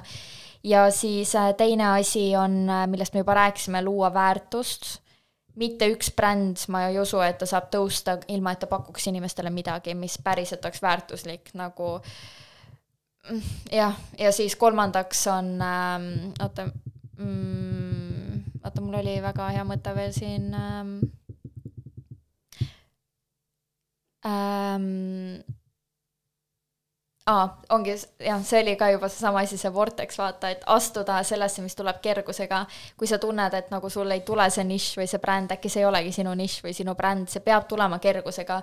ja see peab tulema sellest kohast, et su eesmärk ei ole mitte kasvatada hullult suur bränd, vaid parimad brändid kasvavad suurteks brändideks mm. -hmm. ja kui sa teed midagi südamega, siis sul on juba suur, väga suur eelis nagu turul et see on minu uskumus, ma ei ütle, et see on niimoodi, aga ma ise olen seda näinud, ma ei ole, ma ei ole kunagi tahtnud, ma, alustasin päeviku kirjutamist oma perekonnale, kui järsku ma sain blogiauhindadel parima blogiauhinna ja ma olin mingi, mis just juhtus, nagu ma tegin mhm. seda perele, vaata, aga ma, kuna ma tegin perele, siis ma suutsin olla sada protsenti autentne, mõtlemata üldse, kes mind loeb või keda huvitab, on ju, ja sealt alates ma olen vahepeal kaotanud oma autentsuse, millest ma olen väga palju ka rääkinud, aga kui ma saavutasin jälle kontakti iseendaga, siis ma nagu tundsingi, et nagu kurat, ma olen võitmatu, ma võin olla täpselt see, mis ma tahan, ma võin teha, mida ma tahan. Ja kui mul on ükskõik, mida keegi arvab, siis sellest peitub, peitubki edu võti, sest sa ei muutu, vaid sa annadki välja selle niši, mis muidu kaotatakse ära nagu oma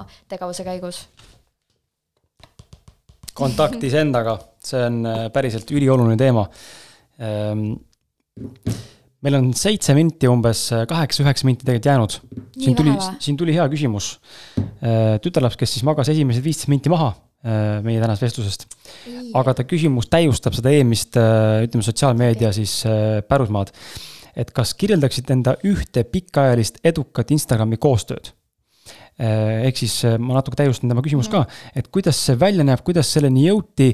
Ähm, ma ei tea, a la kas sa said ainult raha, said sa toote, tooteraha ka, on ju, või mis, mis see nagu outcome oli ja kuidas see reaalselt nagu välja näeb, nagu, et kui inimene täna tahab hakata näiteks kellegagi teha, tegema koostööd brändiga mm, -hmm. siis mis on see protsess, mis ta umbes okay. ees ootamas on? ma püüan siis hästi ruttu vastata, et me ei jääks, ega mingi cut-off ei käi. ei, cut-off okay. ei käi, selles mõttes lihtsalt, lihtsalt nagu, ma üritan, üritan sellest. seda, et Kris korra, viis Vi,, neli, okei, tšau, okei, seda ei ole. okei, ähm, siis ma, ma ei maini brändi nime, sest ma tahan, et ma ei taha tunda, et ma annaksin välja reklaami, mitte et mul oleks, ma südamest hea meelega brändi reklaamin, sest ta on nagu tõesti südamest mulle kallis bränd, aga lihtsalt äkki ta ei taha, et selline mm -hmm. teave oleks avalik ähm,. Ma oskan kohe kindlasti üht brändi esile tuua ja kui see brändi inimene istuks siin, ta saaks kohe aru, et ma räägin temast, sest äh, ta lähenes mulle paar aast-, või noh, ma ma siin valetan nii-öelda aegadega ja asjadega, on ju, et ei oleks kõik liiga arusaadav, aga põhimõte on õige. et ta lähene-, lähenes mulle mõni aeg tagasi, olles olnud mu jälgija alates ajast, mil ma läksin Austraaliasse. jälginud juba mu toidublogi ja mõelnud hmm,, see on põnev tüdruk.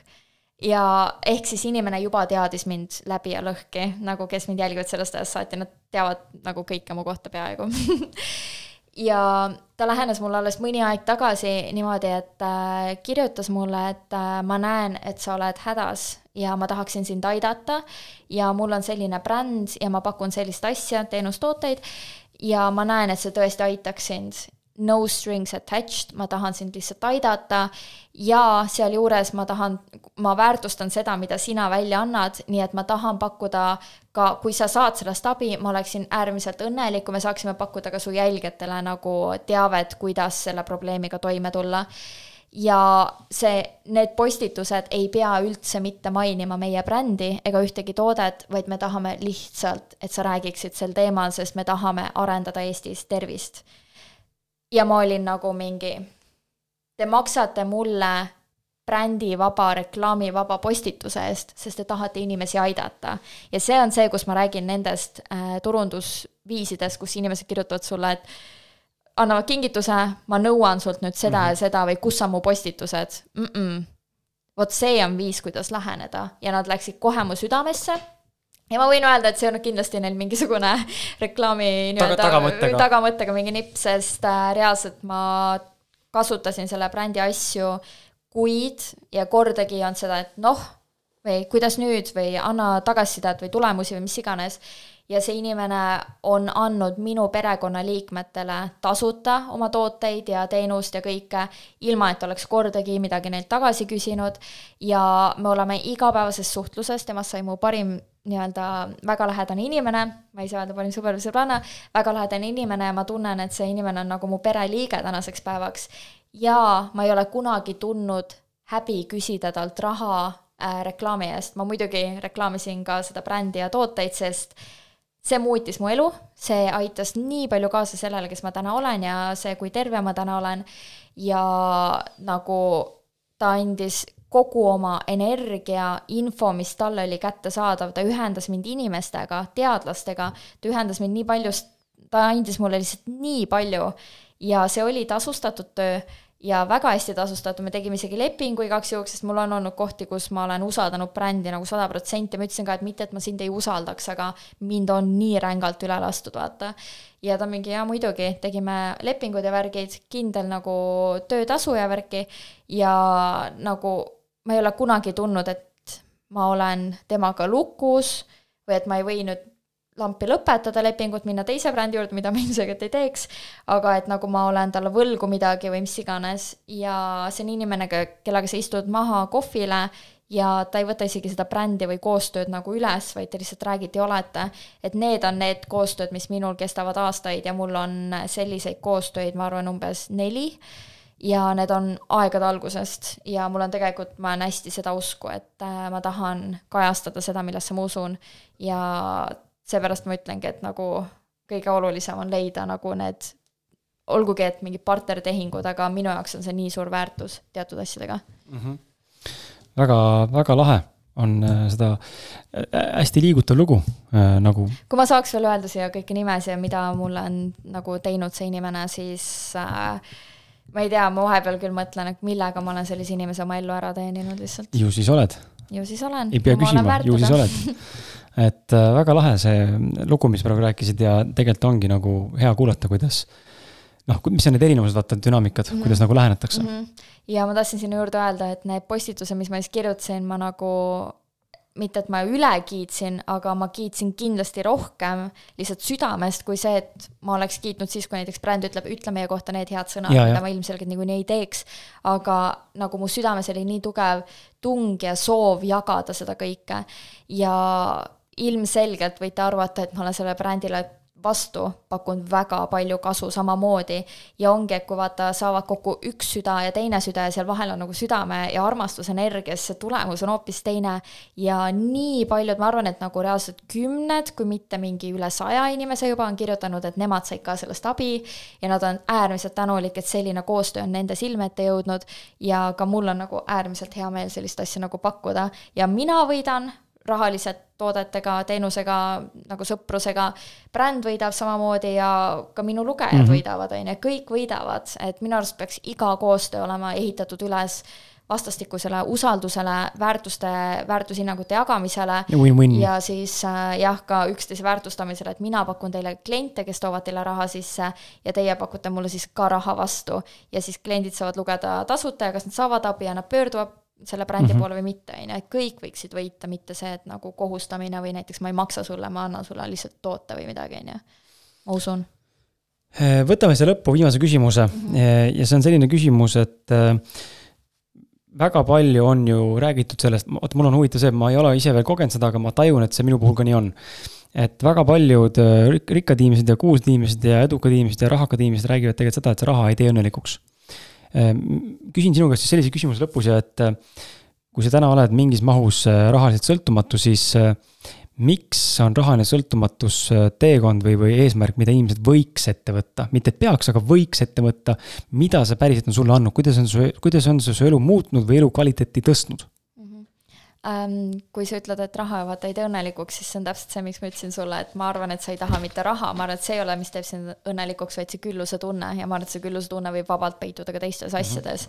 et Eckart Tolle raamatud meeldivad mul sellistel teemadel väga, kus ta toob selle, et nagu me ei tohiks seada oma õnne väljapoole, vaid alati tunnetada seda enda sees ja ma olen täiesti nõus. ja ilmselgelt ma ei tule ka sellega sada protsenti õigesti toime, sest äh, kui mulle meeldib reisimine, siis mulle meeldib lihtsalt uue avastamine ja kõike see äh,, uu-, uue avastus ähm,, vahepeal mulle meeldib ka külmasse kohtadesse reisida, seega see ei ole otseselt päikesega seotud, aga kuidagi see uus hingamine. ja tegelikult ma tean, et ma peaksin olema võimeline saavutada oma kodus täpselt samas kohas istudes uut hingamist, kui ma oleksin vaimselt täielikult avardunud, mida ma kahjuks ei ole ja ma olen osaliselt sõltuv ikkagi materiaalsusest, on ju et äh, kuigi võiks öelda jah, et raha ei tee õnnelikuks, siis mulle meeldib kasutada, just kui ma kasutasin, et raha loob turvatunde, siis ma usun, et raha on nagu sild, et jõuda kohale kuskile, kuhu sa soovid jõuda, näiteks et kui minu eesmärk on olla õnnelik läbi reisimise, siis ma kasutan raha selle sillana. et ilmselgelt ma võiksin kasutada ka mingi koostööprojekte, kus ma ei pea otseselt nagu raha selleks äh, omama piisavalt, aga raha on lihtsalt kõige käepärasem, sõltumatum viis, viis, kuidas sa saad sinna kohale jõuda. et äh, ma usun, et raha ei tee õnnelikuks, aga see tunne, mida sa võid läbi nagu raha kasutuse saavutada, on see, mis teeb õnnelikuks et minu jaoks on see uudsustunne, mida mina ajan alati taga, aga ma tean, ma saan seda ka Eestis, nagu mul on, kui oli see Covidi teema, ma teadsin, et oh my god, kui ma ei saa paar kuud reisida, ma lähen lolliks. nii et me reisisime terve Eesti põhimõtteliselt läbi ja mul ei olnud üldse tunnetki, et ma poleks reisinud, vaid see mm -hmm. sama hea ja nagu see uudsustunne oli mul sees, nii et see tähendab, et see ei jää otseselt raha taha kinni mm. -hmm me unustasime ära peaaegu need, selle ühe küsimuse ah,, mis ei ole küll rahaga seotud, aga millele vastame siis praegu põgusalt, kuna poolteist tundi täis tiksunud, siis -hmm. teie aega, enda aega väärtustades, siis küsimus on kahe inimese poolt täp-, täpsustavalt kokku ühte pandud. mida peaks tegema ühendusest isaga, kui isa suhtlus puudub, kuna pole kunagi minu elus figureerinud ja teine täpsustas siis, et sooviks ka teada, et kui isaga on kontakt null. ka minul on isaga kontakt null. sama siin kahjuks, aga see nagu selles mõttes, et äh, me ikkagi näeme ja kui me näeme, siis me suhtleme, aga nagu väga vähe või nagu ma ei tunne, et see oleks see kontakt, mida ma otsin. aga mina olen ähm, käinud äh, hüpnoosi all ja suhelnud seal isaga, istunud lõkke äärde maha ja rääkinud talle kõik ära, mis minul on olnud puudu, mis mina olen tundnud kas ma olen olnud vihane, väljendanud kõiki oma emotsioone mm -hmm. ja miks, mida ma igatsen isa juures ja nii edasi. et ma olen oma vanematega maha istunud, neile andestanud ja teinud rahu ja kuidagi nagu, kui sa mõistad, et su vanemad on alati tegelikult andnud endast parima siis see lahustab kuidagi kõik, mis sul on olnud. ja ma tegelikult tänasel päeval ei oota isalt mitte midagi muud, ma tean, kes ta on ja ma tean, miks ta niisugune on ja ma nagu aktsepteerin teda täpselt sellisena, nagu ta on. kas ma tahaksin, et ta võib-olla huvituks must rohkem või et me suhtleksime rohkem ilmselgelt, aga nagu ma aktsepteerin teda sellegipoolest ja see oli aasta aeg, pool aastat tagasi veel ei olnud case, kus ma heitsin talle seda kõike ette, ütlesin, et nagu ma umbes ei ole õnnelik ja süüdistasin ja kõike, aga see ei teinud mind õnnelikuks ja ma näen, et ma olen õnnelik, kui ma suudan lihtsalt sellega leppida. nii et ma usun, et meie õnn ennekõike ükskõik, kes su isa on või kas sul üldse pole isa, õnn peitub ikkagi sinus ja sina langetad otsuse, kuidas sa suhtud oma vanematesse mm. -hmm. ja mina olen ka eh, hüpnoteraapias ilma hüpnoosita küll, aga nagu rännaku mõttes nagu käinud siis eh oma en-, e, ise, oma isa, isana iseendaga suhtlemas ja vastupidi ka, siis nagu pidanud vestluseid maha ja sealt on tekkinud ka see arusaamine, noh, vähemalt siis ütleme, see, need teraapiad loovad sulle nagu ühe sellise vundamendi või nagu võimaluse, kuidas seda situatsiooni nagu näha teistmoodi, on ju, muidu sa näed ainult enda nurgast, siis sulle luuakse nagu vestluses siis nagu kuvand, et mismoodi võiks su isa tegelikult olukorda näha või ema näha olukorda sinust või temast. et see on aidanud mind ja nüüd viimane kord coaching'u sessioonides siis ma ähm, coaching'u sessioonides ah,, kakskümmend üks okto-, kakskümmend üks äh, aprill nüüd siin on tulemas meil Anne Launiga coach, kelle juures ma käingi, et temaga on tulemas ka siis rahateemaline webinar samamoodi. et tema juures olen käinud, temaga siis olen käinud ka nooremas lapsepõlves siis väiksele Krisile Eh, paremat eh, toetust ja paremat isa mängimas iseendana. Eh, rääkides siis mingeid asju, kuidas isa võib-olla oleks pidanud tol hetkel juba ütlema, aga, aga ei olnud võimeline või ei osanud teha seda. nii et jaa, neid on dünaamikaid erinevaid, aga me ei ole kumbki terapeut, nii et ma jään vastuse võlgu soovitusega. aga üks asi veel, et me loome ise vaata oma reaalsuse, et äh, mina, kui ma vaatan näiteks, aa, et mu isa ei ole piisavalt äkki hea olnud, ma ei ütle seda, aga kui ma ütleksin, siis äh, see on minu reaalsus. Aga näiteks minu õde võib öelda, et mis asja, meil oli parim isa ever mm. ja me saime sama kasvatust. seega läbi minu silmade, läbi minu kogemuste mina loon oma reaalsuse. ja mõlemal on õigus. jah, mõlemal on õigus, kõik on erinevad reaalsused, nii et kui sa saad luua oma reaalsuse, miks mitte luua seda nagu ilusana, miks mitte vaadata seda võimalikult selle punkti alt, et ta tõesti äkki tahtis paremat ja ta ei osanud lihtsalt paremini ja mõelda selle, kuidas teda kasvatati või mis on tema hinge nagu seisund mm -hmm. ja mhm. kõike seda ja lihtsalt nagu tekitada endale nii-öelda, sa võid tekitada täiesti endale võltsreaalsuse ja lihtsalt uskuda seda reaalsust. ma äkki, et näiteks keegi, kellel on vanem surnud, võib mõelda, et aga tead, ma usun, et mu vanem on kogu aeg minuga ja kui see annab talle turvatunde, et ta vanem on näiteks temaga kogu aeg kaasas nagu hingena, see läheb küll väga esoteeriliseks kätte, aga kui sa näiteks usud seda, siis, ja see pakub sulle rahu, siis miks mitte seda uskuda, sest kõik, mis me, kõik, mis on niikuinii reaalsus, on tegelikult nagu perception reaalsusest, et mm -hmm. mitte keegi ei näe tegelikult, mis on reaalne, on ju. et ma olen hästi seda usku, et me saame tekitada oma reaalsuse, nagu kas või olgu see võltsreaalsus või reaalne reaalsus, reaalset reaalsust ei ole olemas, on ju. seega miks mitte tekitada endale positiivsem reaalsus mm. -hmm. aitäh sulle, Merilin tõmbame otsad kokku, äh, aitäh sulle, hea, hea kuulaja ka, et sa meiega olid siin ja loodan, et sa nautisid vestlust ja aitäh su küsimuste eest ja interaktiivsuse eest, mine võta osa Vitamin veel loosis, kui on huvi. tule vaata endale soovi korral raamatut, kui tahad ja kindlasti ei saa olla äh, rahakas, kui pole tervist. nii et äh, terve mina, suur konverents oktoobris ootab sind ja Merilin laval tervitab sind ka online stream või füüsiliselt ruumis, valik on sinu, mine tutvu. ja kui ei taha, ei pea ostma, aga Teiega kohtume järgmises webinaris, mis on ülehomme, neljateistkümnendal aprillil kell seitse algusega, kus on meil külas siis Ranno Sootla, professionaalne pokkerimängija. ja mis sinu lõpusõnad on? kas sa üldse, kas me mainisime kordagi, et äh, mind leiab ikka blogist Paljas porgand, ma ei tea, kas ja. Paljas porgand üldse tuli kordagi jutuks? viska välja muidugi. täitsa ei tulnud või, või tuli? ei ei tulnud vist, on ju? fantastiline kõik teavad, vaata, ei ole vaja. et, äh, et blogist paljasporgan.ee või siis Instagramist ja mis ma tahan öelda, siis tulge kuulama Polarcasti, sest seal me räägime ka väga palju sellistel teemadel ja rahateema oli ka meil, nii et äh, tulge kuulake ja join ige meiega ka seal. jaa, aitäh sulle äh,, tšau, ilusat õhtut sulle! tšau!